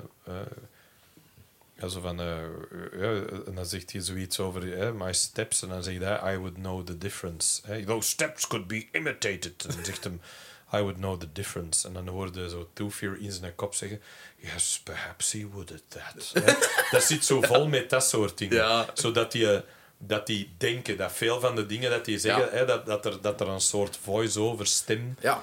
Die ook eigenlijk ook een beetje informatie geeft Uh-huh. over die persoon. Ik ben heel blij dat ze dat hebben gedaan in de Ja. film. Want ik vind dat ook in, in het boek een van de enige eh, heel weinige eh, bronnen van humor Ja, in het boek. Omdat als je die gedachten leest, dan heb je wel zoiets... Allee, je, je, je vereenzelvigt je eigen meer met die personage, Ja. omdat je wel weet van... Ah ja, oké, ik zou zo ook misschien wel reageren ja, op dat, eh, op dat dingetje. Ja. Ik vond dat, dat maakte het boek zo net iets luchtiger voor mij. Ja, die gedachten Ja. ehm, ook kunnen lezen. ja, want het zijn natuurlijk niet al te luchtige films, ook niet. hè. Nee, nee, nee. Geen een van de twee. Hè. De Duncan Idaho in eh, Villeneuve is de enige die van tijd tot tijd nog eens een noot humor erin gooit. Hè. En dat zijn ook maar twee momenten of zo. Mhm. Ja. Maar daar moet het dan wel van hebben. Die daar ook alle twee in een trailer zitten. Die, Ja, ja. Van dat hier, die trailer is Ja, echt gemonteerd als een Marvel-film. Ja, ja. En dat, ja, dat heeft zoveel volk aan de cinema gekregen dat er dan zaten van...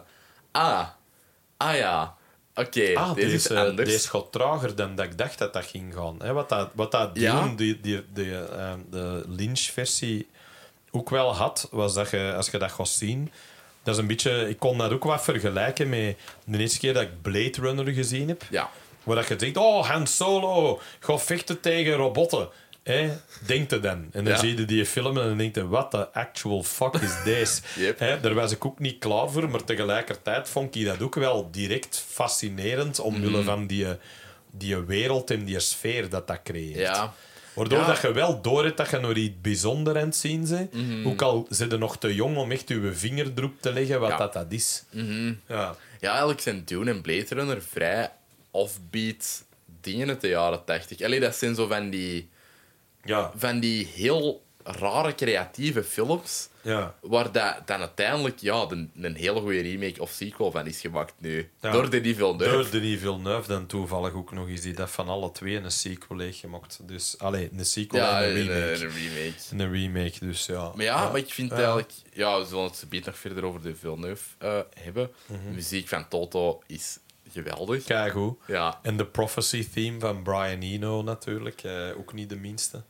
Wie is dat? Want ik... Brian ja, Eno is een hele bekende eh, producer, maar zat ook in. eh, ehm, eh, in welke band zat hij nou weer? Godverdomme, dan gaan mensen mij doodschieten. Dus ik ga hem even een seconde opzoeken. Brian Eno heeft samengewerkt met mensen als Bowie. Die is bijvoorbeeld de drie Berlijn-platen van David Bowie. Maar vooral Hmm. de bekendste Low is geproduceerd door Ah, ja. Brian Eno. Hij heeft hem daar samen mee gemaakt. In Heroes en zo. Ja, maar Ja. Eno heeft ook solo-platen die kei cool zijn. Maar zat ook in... Oh, wacht, hè, in wat zat hij nou weer? Ik zou bijna al durven zeggen Roxy Music, maar dat was niet. Of was het wel? Jawel. Ah, ja. Zat wel in Roxy Music. Ja, Roxy Music.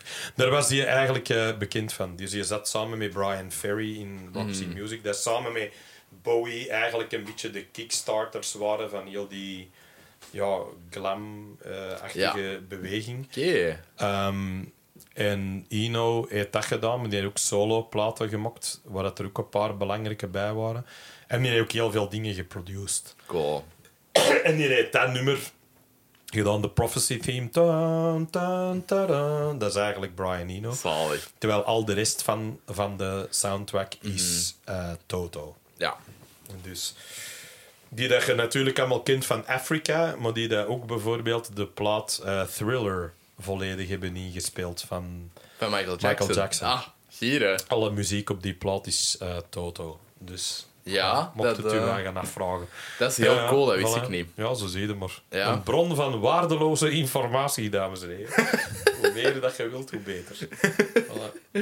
Alright. Um, heb jij nog iets te zeggen over de Lynch-film? Want anders gaan we naar de, naar we de zullen naar de film. Villeneuve-film gaan. Hè. Top. Ik bedoel, Lynch, ja, wat dat was voor mij, was, dat was een belangrijke film. En ene die dat ik ook op tien versies op Blu-ray uiteindelijk. Hè. Ik heb dat op video, op DVD gehad. Ik heb dan zo, dit is nu zo'n Arrow super zotte versie van. Ja, ik wil die die dat ik dan, die hebben, dat ik dan ook gekocht heb. Want, want, hè, want Waarom niet? Dune. Want waarom niet? Dus ik ook- ben dat ook wel al jarenlang aan het doen. Zo. Fucking cool is die cover ook. Ja. Zo die sandworm dat zo uit, Ja. de, uit de grond komt. Ja. Dus ja, dat blijft, eh, dat blijft voor mij wel een van de klassiekers uit mijn jeugd. Hè. Dat is zeker niet foutloos. Er zijn heel veel mensen die dat, dat ook niet te bekijken vinden. Nee, dat Dus dat hangt ervan af van wie dat je het vraagt. Het is zeker niet de meest eh, coherente film of zo. Je, ik denk dat je, als je nog nooit een boek gelezen hebt en niet weet over wat het gaat, Ja, dan weet het misschien op het einde van de film ook niet. ik ken Ehm, heel veel mensen die al lost waren met die vind Villeneuve film. Terwijl ik vind dat dat eigenlijk nog wel redelijk goed is uitgelegd. Dat, dat, is, dat, dat, dat ligt het veel duidelijker Ja, uit. maar Maar die ik vind Lynch... met te veel Villeneuve-film dat je begrijpt wat je moet begrijpen, maar je begrijpt totaal niet alles. Nee. Maar als je dat zo'n paar Maar dat is ook maar een halve film. Ja. Dat is Ja. ook wel een ding. En dat voelde er ook heel ja, aan, hè. Ja, Mhm. ja, ja. Ja. Ehm, maar ja, Villeneuve, ik heb daar nog, nog een... eh, ja, ga ik dat voorlezen? Ja, ik doe zal, maar, zal een klein intro daarvoor voorlezen. Je kunt altijd knippen en plakken wat je wilt. En Ja, als je zo denkt van absoluut. deze duurt veel te lang, dan eh Ja, voilà. Ik doe dat eigenlijk nooit. Ik weet dat een Andries daar heel veel werk in steekt, ja, maar... maar... die knipt eigenlijk ook weinig. Hè. Die monteert wel, maar die knipt heel weinig. Ja, Er zijn, wij gooien eigenlijk bijna niks eruit, tenzij dat de gast dat zelf vraagt. ja. ja dat, Dat, dat hij doe zegt, ik dan ik heb wel. eigenlijk liever niet dat dat erin zit, dan... Mhm. Maar Ja, ik zeg zelden niet waar ik van denk. ja. Heel Als ik het niet wou zeggen, had ik het niet gezegd. Allee, Ja. Mhm. tenzij, soms gebeurt dat wel, maar weinig, weinig, weinig. Dat, dat er zoiets, dat vloept in. Ja. Ah, Dat dit je is denkt, misschien... oeh, that came out wrong. Ja. Ja, ja. Ja, absoluut. Eh Dune uit eh, 2021. De meest recente adaptatie van het boek werd geregisseerd door Denis Villeneuve. Met zijn perf eh, perfect track record waren fans enorm benieuwd naar het eindproduct dat hij ervan zou maken. Denis had een deal met Warner eh, dat als deze film, die de eerste twee derde van het verhaal vertelt, succesvol zou zijn, dat hij het verhaal zou mogen afwerken met een tweede deel. De voortekenen waren niet goed, want zijn Blade Runner sequel flopte enorm hard enkele jaren daarvoor. Gelukkig was Dune Part 1 effectief succesvol en komt Dune Part 2 er in november van dit jaar uit. Ehm, ja, wat vond jij van eh, Dune Part 1? Allee, ik denk dat dat al duidelijk is. Ja, maar- ik was, ik was een hele... Ik was, dat was mijn meest geanticipeerde film toen ik hoorde dat dat ging gemaakt worden, natuurlijk. Want wat ik wel kon zeggen over de Lynch-film, je wist dat de ultieme Dune-film nog niet was gemaakt. Mhm. hè. Je hebt wel door van, deze is waar we het mee moeten doen, want er is niks anders. Ja. Maar, maar, ehm, maar ik was wel aan het kijken naar eh, wat gaat Villeneuve ervan maken. En ik herinner mij dan de eh, eerste foto's die vrijkwamen. En dat ik dacht, oh, dat ziet er wel cool uit. Hè. Dat, is, dat is wel tof. Hè. Dat was een foto van Paul met zijn moeder in die stillsuits. Dat eh, in aan de woestijn staan. En dat was hè, zo één of twee beelden. Ik denk dat dat ook eh, dingen was. Oscar Isaac in dat armor Ja, hè, van, van de Atreides en ja zo. dat hem daar eh, op die trappen staat. Ja, zo. en ik Ja. dacht, dat ziet er wel al cool uit. Hè? Dus Mhm. ik was al, dat belooft al veel. Ik denk, ja, dat gaat cool zijn. En dan herinner ik mij eh, de eerste trailer. Hè? En, en dat was wel een moment, want ik weet dat die dan uitkomt. En ja, omdat je heel dat verhaal al kent, was dat voor mij zo. Dat was niet spoiler alert, dat was een feest van herkenning. Ja, hè. dat je ja, denkt, ja. oh, dat is die scène, dat is die scène. En je hebt die scène in het begin met, die, met de box hè, en, en met die. Ja, Mhm. De Rever- de. Reverend Mother met de giftige naald, hè, de Gom Jabbar, en die is in een nek. En hij, je hebt dat. En dan heb je dat moment dat die landen op Arrakis en dan zit je een voet in het zand. Mhm. En wanneer dat, dat gebeurt, hoorde hè, Hans Zimmer heeft een versie gemaakt van dat nummer Eclipse Ja, van Pink Floyd. En Pink Floyd, hè, dat is het laatste nummer op de plaat Dark Side of the Moon. ja. En ehm, Pink Floyd zou normaal de soundtrack gedaan hebben voor de Jodorowsky-duel. Ah ja, wow. Dat is de verwijzing. Ja, dus je zet zo'n voet neer en je hoort All that you touch. En ik dacht, fuck, dat is Pink Floyd, what the fuck. Hè, zo, dus ik, ik, ik lose volledig mijn shit. Dus die, die trailer vind ik nog altijd een van de beste trailers ooit. Ja, Dat, was snap voor mij echt, als, dat- als, dat- als ik dat zag, dacht ik, oh, ik kan niet wachten op die film. En die ging dan uitkomen in eh, december eh, 2020. En ja, dat is serieus door onze neus geboord Ja, door corona. Hè. Dus dat was natuurlijk... eh, want ik weet nog wel dat toen ik hem in avant-première gezien heb, in eh, Kinepolis Brussel, ehm, dan zat ik nog de hele film door met een mondmasker op. Hè. ah ja. We mochten Ja, niet allemaal bij elkaar zitten en het was nog dat. Hè. Dus... Maar toen ik hem dan uiteindelijk ging zien, ja, moet ik wel zeggen dat ik er, dat ik er wel heel blij mee was. Eh, ik vond dat het er fantastisch uitzag. Dat heeft ook een waanzinnige sterrencast. Hè. Mm. Ja. Timothée Chalamet, eh, Jessica Ferguson, Zendaya, eh, Stellan Skarsgård, Dave Bautista. Ja, zelfs Eh, zo David uh, Dalmashi, allee, de, de Peter Da- de Vries. Eh, denk ja, inderdaad. Die heeft zo'n zotte Armeense achternaam. ja, de, Eh, eh, de, pol de Polka Dot Man van de Suicide Squad. Ja, dat is, dat is Peter de Vries. Ehm allee, noem het maar op, hè, want dat is, dat is hè, Javier Bardem. Eh, allee, Ja. Dat zijn allemaal sterren hè, die dat erin zitten.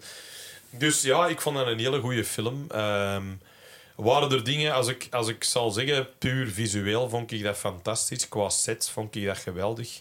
Die ornithopters waren ook mega cool. Ja, dat zijn zo vet. dragonflies Yep. die eigenlijk het geluid maken van een helikopter. Ja, Wat eigenlijk wel heel tof is. Ehm, visueel vond ik dat ongelooflijk. Ook de kostuums en de, de Mhm. look. Hè. De look van de Sardaukar en die Salusa Secundus planeet. Mhm. Gady Prime. eh, al, die, al, die, al die dingen zijn cool. ja, dat spreekt enorm Ja. tot je verbeelding dat je dat boek zou het lezen. Ja. Ja. tuurlijk is dat dat. Allee, Ja, zo, dat, dat klikt ziet er, ineens. ik dacht dat het er zo wel uitzag. Of, zoals ook bij Peter Jackson soms het geval was met zijn eerste Lord of the Rings. Wauw, het ziet er nog cooler uit dan dat ik het mijn eigen had ingebeeld. Ja, hè. Er zijn zo bepaalde dingen dat, dan- dat, dat die ook echt heel goed gedaan hebben. Dat heeft die film ook gedaan. Als ik eh, kritiek moet hebben in vergelijking met eh, de Lynch-versie dan... Mhm. Dan vind ik dat de Harkonnen een beetje weinig belicht worden. Ah ja. Zo, die komen er wel in, maar heel kort en heel weinig. Hè. Dan heeft Baron Vladimir Harkonnen in de originele film al een veel langere monoloog in het begin. ja, dat is waar. Dat je al door hebt, ah, die zit zo in een, terwijl die nou ze heel vaag. ja. Rab, Raban komt er ook maar heel kort in. ja, maar Genoeg om duidelijk te maken wat voor iets dat, dat is. in de Lynch-versie zegt Ja. hij eigenlijk basically Zegt hij niks. Hè? Nee. Hij zegt hier geen één woord en hier wel. En ze maken al wel het feit als die dan zo een woedebarsting uitkrijgt. Ja, allee, dat je dat krijgt, dat zo twee van die slaven zo al verschieten, dat je weet, ja, dat is een bruut. Hè. Ja. Dat is iemand waar iedereen altijd schrik van Dat is echt Drax the Destroyer. Ja, dat is, hè, dat is dat. En, eh, maar dat was... En op bepaalde dingen vond ik iemand als Peter de Vries vond ik wat ondergebruikt ook. ja. Ik had ook iets met Peter van, dan vond ik Brad Dourif zijn versie, hij toch ook meer achtergelaten qua wat hij daarmee deed. Ja, en En ook... ook, die obsessie met de Lady Jessica, dat hem die eigenlijk wilde hebben. Ja. En zo, er zitten zo een aantal dingen in dat ik jammer vind dat Villeneuve met al zijn tijd, Mhm. hè, omdat hem toch een veel langere film heeft gemaakt, allee, twee dan hè, uiteindelijk, dat, dat hem dat niet, niet aangrijpt om die een beetje meer vet te geven dan, dan wat dat die Ja. waren. Ehm, Want eh, als ik het mij goed herinner, sterft Piter op een andere manier in de film dan in het boek. Hè. Ja, een beetje hetzelfde. Hè? Dus dat is met die tand en hij Ja. blaast dat gif uit. En, en uiteindelijk gaat Piter dood. Dat is zowel in, die, die in, in beide films is Ah, dat zo. Ja, oké. Dat bij Brad Dourif als bij ehm, De- de baron duwt die ja. ook een beetje naar voren en hij gaat achteruit. En vandaar dat Piter het niet overleeft en de baron wel. ja. Ehm, er zijn een, ja, visueel is dat ongelooflijk. Ook goed geacteerd. Dus Ja. eigenlijk heel weinig op aan te merken. Hè. Dat is gewoon supergoed. Mhm. En omdat dat meer zijn tijd pakt, natuurlijk, wat zijn de nadelen? Ja, dat is wat iedereen zegt, dat dat natuurlijk de boek niet kent of zo. Dat is een halve film. Ja. Hè? Dus dat eindigt in het midden. Waardoor dat je door hebt, allee, eigenlijk zelfs eindigt het na de inleiding. Hè? Want het is Ja. letterlijk dat, dat zij. Hè, Als je want- het boek ziet, dan eindigt het zo wat aan het, aan het einde, wanneer dat een tweede act begint te beëindigen. Zo, Ja. allee, want je, hebt- Ja. je hebt nog een Maar time jump in en de- zo. In de film krijg je eigenlijk een hoop exposition. Ja. En dan krijg je... This is just the beginning. Ja, hè, wat de inderdaad. laatste zin is. Maar dat is ook wel letterlijk dat je denkt... Allee, here we go then. En dan is het gedaan. Ja. Hè? Dus natuurlijk is dat... Hè, zoals ik al zei, toen ik die film ook aan het zien was... In cinema was het ook nog niet zeker. Was de, de twee nog niet gegreenlit. Nee, hè? dat is waar. Ja. Dus je zit te kijken en je denkt... Eet dat genoeg aantrekt voor veel mensen... Om voor een twee te zorgen? ik was ook niet? aan het twijfelen. Zo. Ja, ik ook, zo. Toen ik hem zag van, Ik ook. weet niet of dat deze genoeg gaat zijn. En ik, ik vond Ja. het echt wel heel goed. Allee, ik had daar echt een heel slechte cinema-ervaring, dat ik deze podcast al heel veel heb verteld. Maar eh, ja, dat, ik vond dat de eerste keer dat ik dat zag vrij traag. En ik Ja. bleef op een honger zitten op het einde. Ja. Maar nu dat ik het boek heb gelezen en dat ik hem nog eens heb gezien, is, vond ik hem alles behalve traag. En Ja. heb ik echt gereveld in elk klein detailje. Ja, ja, ja. Ik vind dat, ja, ik vind dat gek dat als je, ja, als je dan dat boek hebt gelezen en daar ook echt helemaal in zat, en dan die film ziet, dat je een heel nieuwe appreciatie daarvoor ziet. En ineens zie wat dat Denis Villeneuve daar ook mee wou doen. ja. Want ja, allee, ja, die heeft dat boek ook gelezen en gezien van ah, het is deze en deze en deze dat ik ermee wil doen. Uh, dus ik vind dat wel heel fit. ehm, hoe dat ja, je perspectief een beetje kan veranderen nadat je dat boek leest. Want ik vond die film goed hè, de eerste zeker, keer. Zeker. Maar je hebt dan Ja. bijvoorbeeld een Xander dat zegt van ja, parfum, eh parfumreclame van, Ja, ja, van moest ik wel heel mee lachen. Ja, ik vond dat ook vond wel wel redelijk kloppen ook wel. Ja. ergens. Ja, dat was ook wel weer zoiets dat er dan weer bijna juist was. Ik denk, ja, klootzakjes en je zet die film weer naar de, naar de zak aan het helpen voor mij. Weet je wat deze eh, letterbox reviews? Ik nee. was daar nog eens al bekijken. Wacht, ik ga er, ik ga er eens dat terug gaan. Maar de gast dat gaat kamperen in de woestijn met zijn ma of zoiets. Nee, hè. Dat nee, is ook zoiets dat hem erover zei. Wat ik ook wel grappig vond. ja, ehm Ja. wacht. Hè. Want ik heb, allee, omdat ik hem nu zo twee dagen geleden nog eens heb gezien, was ik nog eens aan de reviews aan het kijken. Ehm, en ik heb daar heel hard mee gelachen. Eh, nee, kom aan. Alsjeblieft, Letterboxd. Mijn uh, wifi is weer niet zo heel goed aan het werken. Pretty fly Ah. for a wifi. maar, eh, sorry. Eh, het, het komt nog. Maar ah ja, voilà, hier heb ik hem. Ehm, die heeft dat een halve ster gegeven, aha, op vijf. ja. Ik heb dit extra naar, eh, extra naar beneden getrokken omdat Fokke er een statement moest van maken om Tik Tik Boom na een kwartier één ster te geven. Aha. Uiteindelijk heb ik deze oranje zenderige drol wel uitgekeken. Ja. Ik vond dat heel grappig. Ja, ja, ja. Gewoon uit pure spite Ja, dat is, minder eh, geven. Dat lijkt mij dan wel eh, typisch voor de Xander of Ja, zo. inderdaad. Ik snap ook wel dat de fokke tik tik boom na een kwartier heeft afgezet. Ja, Eh, dat, dat was mijn favoriete film van vorig jaar. ja, ik heb dat niet gezien, dus ik kan er niks over zeggen. Maar ik snap wel, Jij dat, de, dat maar ik snap wel dat de fokke Ja. dat na een kwartier afzet. dat wou ik vooral eigenlijk duidelijk Ja. maken. Want eh, ik denk dat mijn vrouw er naar is beginnen kijken en ik was half in slaap aan het vallen eh, toen dat hij dat is beginnen zien. Want dat gaat over die gast dat Rent geschreven heeft. Hè. En dat is met Andrew Garfield. Mhm. En ik was eigenlijk ook wel geïnteresseerd. Dus ik wil dat nog wel zien. Ja, dat is, Maar ik dat heb, is het, tof. ik heb het gewoon nog niet gezien. Dus ik- daar kan ik er natuurlijk ook niks Ja. over zeggen. Ja, ja. Maar, eh, Ja, maar... En ik ben ook niet vies van musicals. Dus Nee, voilà. het zal daar wel liggen of zo zeggen. ik weet het niet. Maar Nee, ik denk dat, eh, dat je dat wel cool gaat vinden. Het gaat echt over zo, eh, de, de relentless ambitie van iemand om echt iets te maken en ook niet stopt daarmee totdat Ja. dat echt effectief iets wordt. ja, Dat, eh, ja, dat is cool. Allee, dat is gewoon zo... Ja, dat zijn het soort verhalen dat ik ook wel graag zie. Ja. Allee, Ik hou wel van die heroïsche against all odds, Ja. it verhalen. Zo. Inderdaad. Altijd wel tof. Ja. Zeker wel. Dus, eh, Ja, Maar goed, dat was dan, dat was dan de Xander zijn, eh, zijn wraak op de fokken, zijn Ja. kwartier. inderdaad. Kijk goed, ook de beste manier om films te reviewen. Hè. Dat dat zo niks met de film te maken Nee. heeft. Maar, eh, maar goed. vind Ja, dat de om- zanderige drol, dat is Ja. ook wel... Oké, ja, is wat. Zo letterbox reviews dat puur over de cinema-ervaring gaan en de mensen daar rond die persoon zaten. Dat vind ik Ja, ook ja, ja, ja. Dat is ook altijd goed. Ja. Ja. Ehm, ja, ik heb hier nog wel notes. Voor mij was deze exact hoe dat doen eruit zag in mijn hoofd terwijl ik het boek las. Misschien Ja. komt dat omdat ik de, eerst, de film, alleen deze eerst heb gezien. Maar Ja. ik kan mij ook wel voorstellen dat het zo geweest was. eh, allee, het zo geweest dat. Ja, geen idee, maar, maar het is in ieder geval niet een, een look van de film waar ik van denk, hier klopt niks van. Allee, Nee, dat is meer hoe dat je wel denkt dat het is. Ja. Ik ben wel benieuwd, hè, als een tweede eraan komt, ehm, hoe dat, want dat gaat er veel meer van de wereld van de Harkonnen te zien krijgen. Maar, je gaat ook de, Fremen. maar je gaat ook de Empire zien. Mhm. En de Emperor en hoe dat die er gaan uitzien. Hè. Welke look dat ze daarvoor gekozen hebben. Ja. lijkt mij ook wel interessant. Mhm. dus, hè. Zo, want daar kun je je bijna soms bij voorstellen. Bij, bij Lynch was dat ook heel redelijk militaristisch en, Ja. en ouderwets. Maar dat zou ook... Voor mij zou dat ook een beetje... eh, hoe zeg je dat? De, de, als je naar de Hunger Games kijkt en ze gaan naar de stad, naar zo dat extravagant, te rijk en te veel, Mhm. Ja. kan ik mij ook wel voorstellen. Ja. Dat die volledig de andere richting in uitgaat, uit hoe dat die er gaan uitzien. Ja. Want dat zo van die superrijke, bijna decadente aristocratie is, kan dat ook wel cool zijn. Maar ik Mhm. Weet het niet. Ik ben benieuwd wat ze ermee gaan doen. Ja, Dus- ja ik ook. Eh, Ja. Echt enorm. Ehm, er is zo... Ah ja, de, de, de gender swapping van Kynes. Vond jij dat, vond jij dat een goede keuze? Ik vond... eh, ehm, Oké, ja, dat stoorde mij niet. Ik weet ook niet waarom dat, dat nodig was, maar ik vond het ook niet erg dat het was. Ja. Omdat het ook redelijk simpel is, vind ik. eh, in de zin van...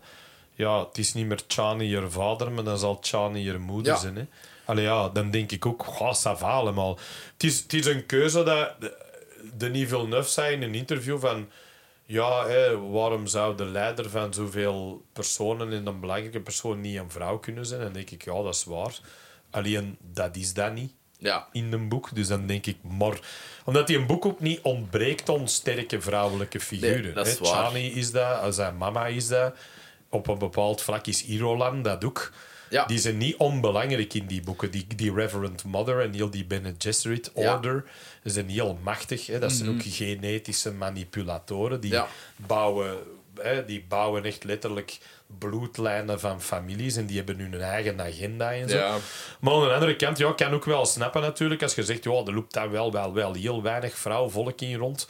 Het was ook niet dat dat mij stoorde of zo. Helemaal niet. Want die vrouw die dat, dat dan speelt, die Sharon Duncan Brewster of Ja, zoiets, denk ik. ja, inderdaad. Dat is, een, dat is een heel coole, die ziet er goed uit, dat klopt ook of zo. Ja. Die heeft ook iets heel bijna nobel of koninklijk, waardoor dat je ook Ja. wel snapt dat iemand die zou volgen. Ja, ik vond die heel goed. Dus dat is ook, die speelt dat keigoed. Hè. ja, het grappige is... Ja, zeg Zo maar. in dat boek eh, las ik dat personage ook constant als een vrouw. Ja. Doordat dat, allee, doordat dat de eerste aanraking was dat ik ermee had gehad of zo. Ah ja, oké. Dus, allee, ook, ook al lezen dan zo hem en hier, allee, zo, Ja, hè, ja. De, de male pronouns. eh, Ja, ja. Heb de, allee, had ik die nog altijd in mijn hoofd als vrouw. En, gelijk- allee, als dat zo'n extreem masculine Ja. personage zou zijn, dan zou dat ook nog wel... eh, Ja, in een boek, in een originele film van, van David Lynch is dat Max von Sydow. Hè? Ook Ja. een hele grave acteur, by the way. Die ook Ming the Merciless speelt in, eh, In, in eh, dingen Flash, Flash Gordon. Gordon. Maar dat die, een karakteracteur die in 10.000 films zit, een kei goede acteur ook. Ja, in de Seventh Seal van, de, Ja, van dingen. of zelfs in eh, The Force Awakens zit Ja, hij in die eerste... in eh, die wordt direct afgemokt door Kylo Ren, maar die komt er wel in. Dus dat is zo'n hele, een hele grave acteur ook. Hè. Dus ja, voor mij... Dat deed mij niet zo heel veel. Hè. Ik, had, Mm. ik had zoiets van, ja, dat is een beetje een teken van onze tijd ook, denk ik. Dat ze dat dan doen. Ehm, Mm.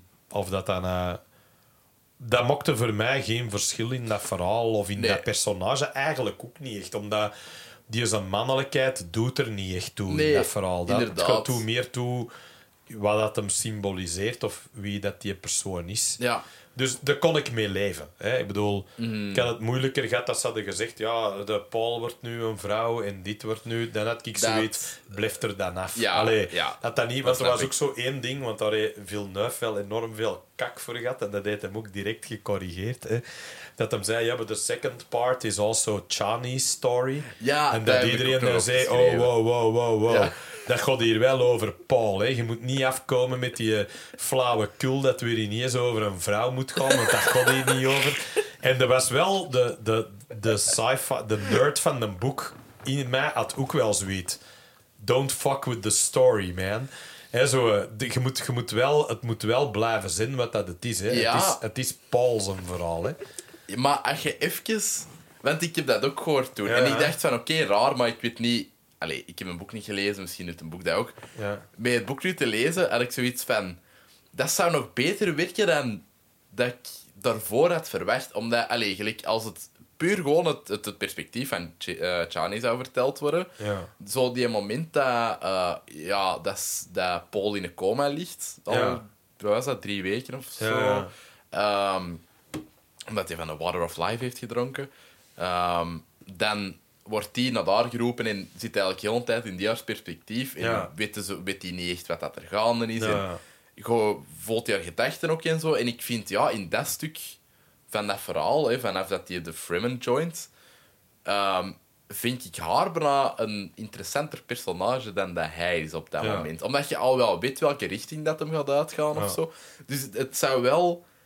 Ik zou er nog wel curieus naar zijn, maar ik zou het heel gevaarlijk vinden om zo, zo van die vrijheden te nemen met dat verhaal. Want Ja, dat, is, dat is vaak... Chani gaat veel belangrijker worden. Ja, hè? Dat is logisch, ja. want die wordt dat in die tweede boek nog meer. Hè? Ja. Dus dat is, die, die is wel dat is het ding wat, dat, wat, wat Villeneuve ook bedoelde in zijn interview, denk ik. Mhm. Is dat hij gewoon zei: nee, nee, Zendaya wordt eigenlijk een beetje geïntroduceerd in die eerste film, maar die gaat er wel veel te zien krijgen, want die heeft ook een belangrijke rol. Hè? Wat ook zo is. Maar ja, de arc, de story arc is Paul natuurlijk. Ja. Hè? Wat we, maar dat kan ook niet dat hij dat niet gaat doen, want dan slaagt dat verhaal ook op niks niet meer. Ja, nee. Dat, dus dat dan is, denk eh, ik ook, dan you're making another movie. Hè? Dus, Ja. dus dat was dat, maar dat was zo heel even ophef rond, hè, dat alle Dune-fans eh, up in arms waren. What the fuck? Maar er was wel een moment dat ik dat ook even las en dacht, oh, dood deze nou niet. Hè. Zo, maakt die zo belangrijk als dat ze is, hè, want die Mhm. moet ook... En inderdaad, als er scènes zijn dat Paul er wel ligt te liggen, dan moet hij er niet zomaar wat neffen zitten. Dan zou het ook tof zijn dat hij toe of zo, of dat je haar gevoel krijgt, of dat je ook even een moment hebt dat het perspectief draait. Dat Ja. kan, hè. Dat Ja, vind ja, ik ook allemaal heel... Dat kan allemaal. En, en dat, zolang... Ik zeg het, dat is... Villeneuve heeft tot hiertoe nog altijd geen kak gemokt. Nee, dus ik kom er gewoon vanuit, he can handle this. hè. Ja, ja, ja. Die gaat dat verhaal wel aankunnen. Hij is ook heel hard fan van dat verhaal. Hè. Dus dan denk ik ook, ja, dat, dat, dat, ik geloof daar wel in, dat Ja. dat goed komt. Maar er was even een moment dat hem dat zei, dat zo, de, de, dat zo iedereen zijn wapens al aan het slijpen was van eh, wat ga je hier doen? Ja. With our beloved book. En dit, dus hè, ook allemaal mensen die 9 van de 10 aan het roepen zijn, die die een boek nooit niet gelezen hebben, maar daar zullen we dan ook maar, eh, Ja, zullen we dat ook maar in het midden laten. Ja. Maar, ehm, maar, maar in ieder geval, ja, ik, ik, ik heb wel hoge verwachtingen van die tweede. niet. Ik, ik, Ja, kijk, ik er, ook. ik kijk er wel naar uit. Eh, heel hard. Dat gaat, dat gaat ook wel... Ik weet niet, ja, er gaat denk ik wel wat meer actie in zitten dan Veel meer, hè? in de eerste. Plus ook je dat badass moment, dat, eh, dat is helemaal op het einde van de film, dat je heel even een glimp krijgt van een van de Fremen dat op een worm Ja, rijdt. dat is zo maar ja, dat cool. gaan we wel krijgen. Ja, Je krijgt natuurlijk ook nog een confrontatie met de Sardaukar. Je krijgt ook nog Paul en Fate. Ja. en Fate die geïntroduceerd gaat worden. En Mhm. Fate is eigenlijk... ehm, hoe zeg je dat? Dat is de, de handsome klootzak. hè. Ja. Je hebt, je hebt de, de bruut in Raban, maar je hebt Yep. Fate, die is een broer eigenlijk. Dat Groot, de, dat veel de grotere rat ook. Allee, die, knapper, gemener, eh, gevaarlijker ook. ja. Dus omdat, want slimmer. Mhm. Dus, dus ja, dat, zijn de, dat, is, dat is wel waar we naartoe gaan. Natuurlijk ook nog Alia, de ja, die ongeboren zus, waar, natuurlijk eh, die, dat ook nog een figuur wordt. Maar er, Ja. ik vind eigenlijk... Allee, ik snap het moment waar dat ze gestopt zijn in de eerste, maar die eerste act van die volgende gaat zo raar zijn qua tempo. Want je hebt dat arena-gevecht tussen Fade Rauta en... eh, slaaf, ja. Ja, de, en dingen, hè. En, eh, dat is toch uh, uh, Tufir Hawat, waar dat je tegen vecht? Nee, die vecht niet tegen Toefir, maar die vecht tegen een, ha- een, een Atreides eh, gevangene. Ah, dus die staat wow. tegenover een gast die daar getraind is door die Atreides van een gevaarlijke gast. is Ja. ook. Waardoor dat hij ja, vals speelt, want dat is wat dat Mhm. die ook doen. Hè. Die gast is ook die- meedogenloos. Ja, En eh, eerloos ook. Hè. Dat is ook wat de Harkonnen heel hard hebben. Hè. Mhm. Ja. Eer interesseert die geen kloten. Hè. ja. Die willen gewoon winnen. En die willen gewoon hebben wat dat ze willen hebben. Amai, Dus- ik, heb dat, ik heb heel dat hoofdstuk gelezen. Of allee, ik heb een heel stuk geluisterd. Thufir geluisterd wordt eigenlijk de mentat van de vervanger van Peter de Ja, Vries voor. Baron Harkonnen. Die heeft hij gegijzeld en gevangen genomen. Mhm. En Thufir geeft zichzelf ook de schuld voor alles wat misgelopen is. Dat hem Yoe zijn, zijn, eh, zijn verraad niet heeft zien aankomen. Dat hem al die dingen... Ja, die denkt ook dat Paul en Jessica... Die, die denkt dat Jessica de verrader is. Die Ja. weet dat niet dat Yoe dat is. En Gurney denkt dat ook. Ja, dus die, dus die zitten ook helemaal in een ander... eh, Ja, dus ja, die is, een beetje, die is een beetje maar wat aan het roeien met de riemen dat we mee. Zo, Ja. hè? Dat is een beetje wat dat, dat is. Mhm. En hij wordt dus de mentat van Baron Harkonnen, wat ook heel fucked up is. Hè? Want die, Ja. Dus, dus ja, dus dat, is, dat is wel, eh, er, er zitten wel heel interessante dingen aan te komen in ieder Ja, geval. dat denk ik ook. Ik denk dat dat echt eh, heel interessant gaat worden. Ik vraag mij ook echt af waar dat die een timejump gaat zitten. Want er moet echt nog wel wat gebeuren voordat die een timejump gebeurt. Ja, ik denk omdat die, door, die trekken door naar, naar die siege. Hè, want daar zijn die naar op weg op het einde van de eerste film. En zij zegt, this is only the beginning. Ik zie die, ik zie die een time jump van vijf jaar doen. Direct. Waar dat Paul al vijf jaar daar is. Hè, dat hij Ja. Mhm. een kind heeft met Chani. Want dat is ook nog een klein subplotje. Ja, een Ehm, heel klein subplotje, want dat kind gaat echt Dat, twee hoofdstukken dat, dood dat, dat, leeft, wordt... dat leeft niet lang. Nee. Hè, dus dus er zitten zo... eh, Maar ik denk, ik, dat lijkt mij logisch dat je dan een tijdsprong pakt van vijf jaar. Ja, maar dan hadden er toch nog wat extra dingen moeten gebeuren in die eerste, precies. Ja, maar ik denk dat ze dat dan zo wat gaan verschuiven. Allee, dat ze dan bepaalde dingen gaan laten gebeuren. Ja. Of dat ze wat simultaan laten zien van in die tijd is dat en dat en dat ook gebeurd. Ja. Maar ik weet het niet, hè. dat is puur speculeren. Ja, ja, ja. Maar dat is hoe dat ik het script gewijs wel zou aanpakken, denk ik. Dat ik ineens de jump zou maken. Ja, het zou... zou zeggen, die leeft daar nu, die woont. Maar de andere kant kan het ook zijn dat het begint met dat hem in die siege aankomt. Hè. Ja. En dat hem ook, want natuurlijk, die, nee, want je hebt ook heel die scène met Jamis hè, op het einde, waar dat Ja. hem tegen vecht en hij wint daarvan. Hij wordt dan een van de Fremen door Mhm. dat te doen. Maar die laat een traan ervoor, hè, wat voor hun enorm... Die geeft water van zijn lichaam Ja. af. En Jamis was Jamis. friend. En Jamis was ook trouwens, want dat is ook heel cool om die vooruitziende beelden in die film. Mhm. Die, dat is degene dat zegt: I'll show you the way in the desert. Ja, dat zit Maar ook niet in het boek, hè. Maar, ja, maar je krijgt die. Die doet dat ook, maar die doet dat niet gelijk dat je denkt door Nee. zijn maat te worden, maar die doet dat net door dood te gaan. Ja. Dus dat is ook heel, heel goed gedaan of zo. Ik vond dat er veel dingen in die film zaten dat ik ook dacht: ah, deze is echt heel cool. Ja, super clever, want Ja. dat, dat is eigenlijk... Dat je ziet dat perfect in dat universum past, maar toch niet, Ja. niet in het boek zat of zo. Ja, die visioenen van Paul die zitten er natuurlijk op andere manieren wel in. Hè? Ja. Dat hij zo altijd een soort precognition heeft. Hè? Wat die, Mhm. Eh, die Reverend Mother ook aan hem vraagt: Do the things happen as they do in your dream? En dan zegt hij: Not exactly, maar, Ja. maar ik voel soms wel waar die naartoe gaat. Hè? Dus, dus het is ja, ehm, allee, het, zijn, het, zijn- het is zeker. Ik, ik, ik kijk wel, wel heel hard uit naar, naar die nieuwe film. Zijn er, zijn er dingen waar jij scènes waar jij van denkt, oh, dat wil ik al, mij al inbeelden, hoe dat... dat Ja, de- wat zijn de scènes waar je het hardst naar uitkijkt? De. Sandworm Riding Training Sequence, Ja, ja, wat er sowieso gaat komen. Ja, ja. Ehm, ja, heel dat einde, omdat eh, met het boek was ik daar, ik, ik was zo wat, ik kon niet meer zo heel goed volgen, zo helemaal op het einde, met wat dat er exact allemaal nog was aan het gebeuren. Ik moet dat nog eens opnieuw lezen daarvoor. Ehm, er gebeurt heel veel. Er, Ja. er zijn heel veel moving parts en zo. Dus ehm, daar ben ik heel benieuwd naar hoe dat ze dat gaan uitwerken. Ja, Eh, hoe gaat de, een kind... Ja, de, dat gaat waarschijnlijk offscreen sterven. Eh, de, het zoontje van Paul. Mhm. Geen idee van. Lido. Geen idee van. Ehm, ja, en de, de- alle trippy shit. Want er is eigenlijk nog geen trippy shit gebeurd. Alle trippy shit Links en eh, rechts, hè, zodat hem even in de... Dat hem die spice binnenkrijgt als hem aan die miner zit en Ja. dat hem zo op zijn knieën gaat en dat hem even begint te flippen. Zo. Ja, of in die tent ze hem even wat beelden krijgt van, Mhm. van de toekomst. Maar ja, ik heb geen idee wat er nog uit die The Water of Life gaat drinken en wat dat er dan allemaal nog gaat ja gebeuren. dat kan heel Dat zal ook nog de vraag zijn. Waar ik wel naar uitkijk, is ook nog de introductie van Fade Routha. Oh, want dat vind ik een mega ruig personage. Ja, want dat moet Dus- in de arena Ja, gevecht, de- dat zal dan 9 van de 10 wel zijn, denk ik. Ja, Misschien ook nog een personage die, dat, die dat er niet in komt in de Lynch-film, maar wel in de boek. Is die, eh die eunuch, ass, allee, die, die eunuch assassin, Hazimir Fenring. ah ja. Die dat is zo, eh, samen met Baron Harkonnen wel, maar dat is ook een hele gevaarlijke gast. Ja, Waar dat Harkonnen ook heel hard voor op zijn hoede is. juist. Ja. En ik denk dat ze hebben nog een paar namen aangekondigd, met als we weten nog niet wie dat hem gaat spelen. Ja.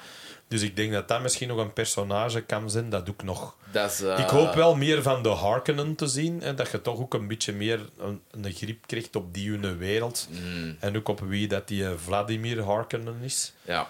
En waarom dat die familie ook wel een beetje is wie dat ze zijn. Mm, Dus dat hoop ik wel. En ik ben ook wel heel ge- geïnteresseerd in eh ja, Irulan en, en de, Ja. The Emperor en The Empire. zeker. En hoe dat... En de Guild. Ja. Want die heb je eigenlijk ook nog niet echt gezien. Nee. Dus er, zijn wel, er zitten wel een, nog een hoop reveals aan te komen. Dus ik denk ook niet dat hem... Hij gaat ook niet eindigen onder de drie uur, denk ik, die films. hè. Goh, het Als is wel... alles daarin gezegd moet worden. Het allee. is, de, de vorige film was een 500 pagina's of zo. Deze Ja. zijn er zo'n 300. ja, maar dus, er gebeurt veel meer. ja, er gebeurt inderdaad wel veel 300. meer. Die, die 200, eh, die, die 500 zijn veel inleiding en exposition. Ja. Maar de actie begint nu. Hè. Ja, dat is waar. Dus al de shit dat moet gaan gebeuren. En de introductie van een aantal heel belangrijke figuren. Het leuke is denk ik daar ook aan dat dat, dat gaat heel klimactisch aanvoelen, denk ik. Ja. Zo heel die film. Ja. Dat, ik denk dat daar niet zo superveel downtime in gaat zitten. ja. Allee, ik weet het niet. Dat zal wel niet. een beetje het, het het niet. base-tempo behouden van, van die eerste. Misschien ook helemaal niet. Hè. Misschien dat hem dan zegt, nou gonk ik wel in versnelling. Want Ja. hij heeft het wel gezegd hè, in, in interviews van ja, de big shit komt na. Ja, Hè, zo de, de stuff waar je van zegt, oh, dat is wel wat we nog moeten zien natuurlijk. Mhm. Dus, eh, dus ja. ja, een actiescène op een, op een, eh, op een Spice Crawler ook. Wanneer Ja. dat ze Gurney eh, terugzien. Nou, die, die guerrilla-acties dat die voeren, hè, zo dat constant ondermijnen van die productie van de Harkonnen, waardoor dat die er zot van worden. Hè. Ja, Want Raban is eigenlijk de... Die krijgt de planeet eigenlijk, Ja. hè, om, om te squeezen. Maar ja, maar subplot... Maar ja, subplot dat, die dat natuurlijk zo incompetent en bruut gaat doen, dat wanneer dat Vladimir Harkonnen Fade Routha introduceert, dat dat zo'n soort messias voor dat Ja. volk gaat zijn. Ja, Dat die gewoon zeggen, ah, de betere versie. ja inderdaad. Ja, terwijl die zijn eigen plannen heeft. Dus dat is ook wel heel interessant. Mhm. Ja, dat is altijd goed. hè, De die- Now Baron of zo. ja, of de, ja, de nabaron. hè. Ja. De, de, de, degene die dat ook eigenlijk... eh, ja, die zijn, die zijn gewoon... Wat dat, dat ook altijd is, wat ik wel leuk vind aan slechterikken soms, is dat die ook zelfs onderling verraderlijk naar elkaar zijn. Dat die niks anders doen dan proberen om... Hè, Want Fate in een boek zegt ook altijd: ja, ja, oude man, mijn tijd komt wel. Yep. Het wordt tijd voor haar voor te gaan op den duur. Ook, Ja. Terwijl Baron Harkonnen zegt over Piter de Vries: Ik denk dat tijd wordt dat ik hem ga laten wurgen, want Ja. hij begint wat te gevaarlijk te worden. Maar heel de tijd... Iedereen is heel de tijd met elkaar aan het spelen. Hè. Yep. Die is heel de tijd zetten aan het maken, maar tegelijkertijd, ja, degene neffen hem doet dat ook. Ja. Waardoor, waardoor dat, dat, dat dat heel de tijd een soort... Ja, dat kreeg je dat Game of Thrones gegeven. Hè? Dat intrigante politiek ding. Ja, Wat ook wel heel heel cool. is. Dus ja... ja. Ja, man. Oké. Niet voor niks eh, een meesterwerk, hè, Dune. Nee. Geschreven in 65, maar we babbelen er nog altijd over. En eh, ik heb hem al tien keer gelezen of zo. En dat blijft wel altijd heel cool. Dus, eh, Ja. ja, ik moet zeggen, er komt voor mij ook sowieso nog wel een tweede keer. Zo, want dat, Mhm. dat is wel echt... Allee, tenzij dat, eh dat een tweede nu echt super faithful is en dat, dat, dat die twee films zien basically heel dat verhaal in vijf uur gegoten is. Zullen we nog wel over lullen als die nut is. Hè? Sowieso, Dan, dan ja. kunnen we hier komen vertellen hoe faithful dat hem was. Ja, inderdaad. Ja, ja, Laten we dat al Ik vastleggen. ben, ik ben al aan het zeggen, er zal gin tonics in. Hij gaat nog eens koken. Tegen hem doet hem dat al een jaar langer. Dus dat is ook nog, Dan nog dat nog dan- beter zijn. Nog crazier. Ja, Dat kan hier niet meer kapot. tegen daar heb ik de geheime spiceformule ontdekt. Voilà. Zitten wij even die Spice Melange koekjes te eten. Tripping balls. Spice coffee. Ja, oh ja, kijk goed. Daar had ik altijd goesting in dat ik Ja, dat las. ik ook. Dan dacht ik, oh, of dat ding, zo die koekjes, dat die zo in bed en zegt, hmm, cinnamon. En dan denkt je, hmm. Ja. Ja. want dat wordt ook zo mooi verteld dat die smaak van die spice in die zijn mond komt in die boek. Dat je denkt, oh, ik wil dat wel proeven. Ik weet niet wat dat. Ja, is. inderdaad. Dus dat hoe ouder ik word, hoe meer gefascineerd dat ik word eh, met geestesverruimende middelen. Zo. Ah, is dat hoe ouder dat jij wordt? Ja, ik heb dat wel. Ah, ja. Zo, dat, dat, dat heeft mij altijd geïnteresseerd, maar je begint ook natuurlijk eh, op een bepaalde leeftijd, eh, begin je te beseffen, jongeman, dat je niet meer oneindig veel tijd hebt. En dat je Nee. dan denkt, ga zo wat peyote in een woestijn pakken, ik zou het toch wel eens willen doen. Ik ben eens benieuwd of dat ik een derde oog in mijn voorhoofd krijg en of dat die zandwormen dan toch tevoorschijn komen. Naar Burning Man gaat. Burning Man, baby, dat hebben we nog te goed eigenlijk. Hè? Eigenlijk wel, hè. Ja, ja. Ja. ja. Mij. It must happen. Dan doe ik een stilsuit aan als ik naar daar ga. Zeker wel. Zodat ik alles kan overleven in de woestijn. Maak daar alsjeblieft een documentaire van als jij er naartoe Ik gaat. denk als we dat gaan doen, dan is dat sowieso dat, dat, dat we dat gaan doen. Ja. Dat kan niet anders. En verkoopt dat aan de VRT. Dat zullen we misschien ook doen. We zullen wel zien. We zullen zien hoe dat, dat allemaal uitdraait. Maar eh, Yes. plannen voor de toekomst. Yes, zeker wel. Voilà. Alright, Alex, super merci voor, eh, voor af te komen. Ja, en, Bo, heel graag gedaan, hè, gelijk altijd. ja, Wij is, spreken eh, altijd veel te lang over veel te lange films, is mij ook al opgevallen. Vorige Ja. keer was dat Justice League, dat vier uur en drie dagen duurde. En eh waar we IJslandse zingende vrouwen hadden van tien minuten en zo. En nu hebben we dit. Ja, Woestijnpret. yep. De zanderige drol, of hoe noemde eh, de Xander het? Ja, zanderige gele of oranje drol. Ja, oh, mooi zo. De film is zeer oranje, dat is, dat is wel waar. very true. Maar, ja, As one has with deserts. voilà, inderdaad. Alright. Voilà. Eh, ja, eh, Alex, ja, uiteraard pluggen we toch eh, de Welcome to the EE. Allee, ik denk niet elke week, elke maandag. mensen zijn dat naar dit luisteren en niet weten wat dat Welcome to the EE is. Ja. Denk dat sowieso eerder andersom gaat zitten. Dus luister naar Welcome to the EE. Koop tickets voor Alex in een nieuwe show. En eh, Voilà. kijk nog uitgesteld naar Fear Factor, zou ik zeggen. Je dat nog? nog doen? Ja, ik denk dat wel. Dat staat nog altijd op... eh, Ja. Wat is dat? Goh, ik vergeet dat. Play, Play Play, Go 4. zeker. Of Play Ja. 4 en Play Go is het dan dat je dat dan terug op kunt zien. Dus Ja. eh, ik hou mij daar nooit niet mee De bezig. vele SBS-kanalen. Voilà, van die duizenden SBS-kanalen waar dat soort nonsens op te zien is. Dus, Het zal wel staan. voilà, inderdaad. Morgen een kwaai telefoon van de redactie. Ja, wat zeg je? Bla, bla, bla. Dan denk ik ook, die bellen niet, want die weten, die pakt toch niet. He doesn't care. Alright, dit was een videotheek. Tot volgende week.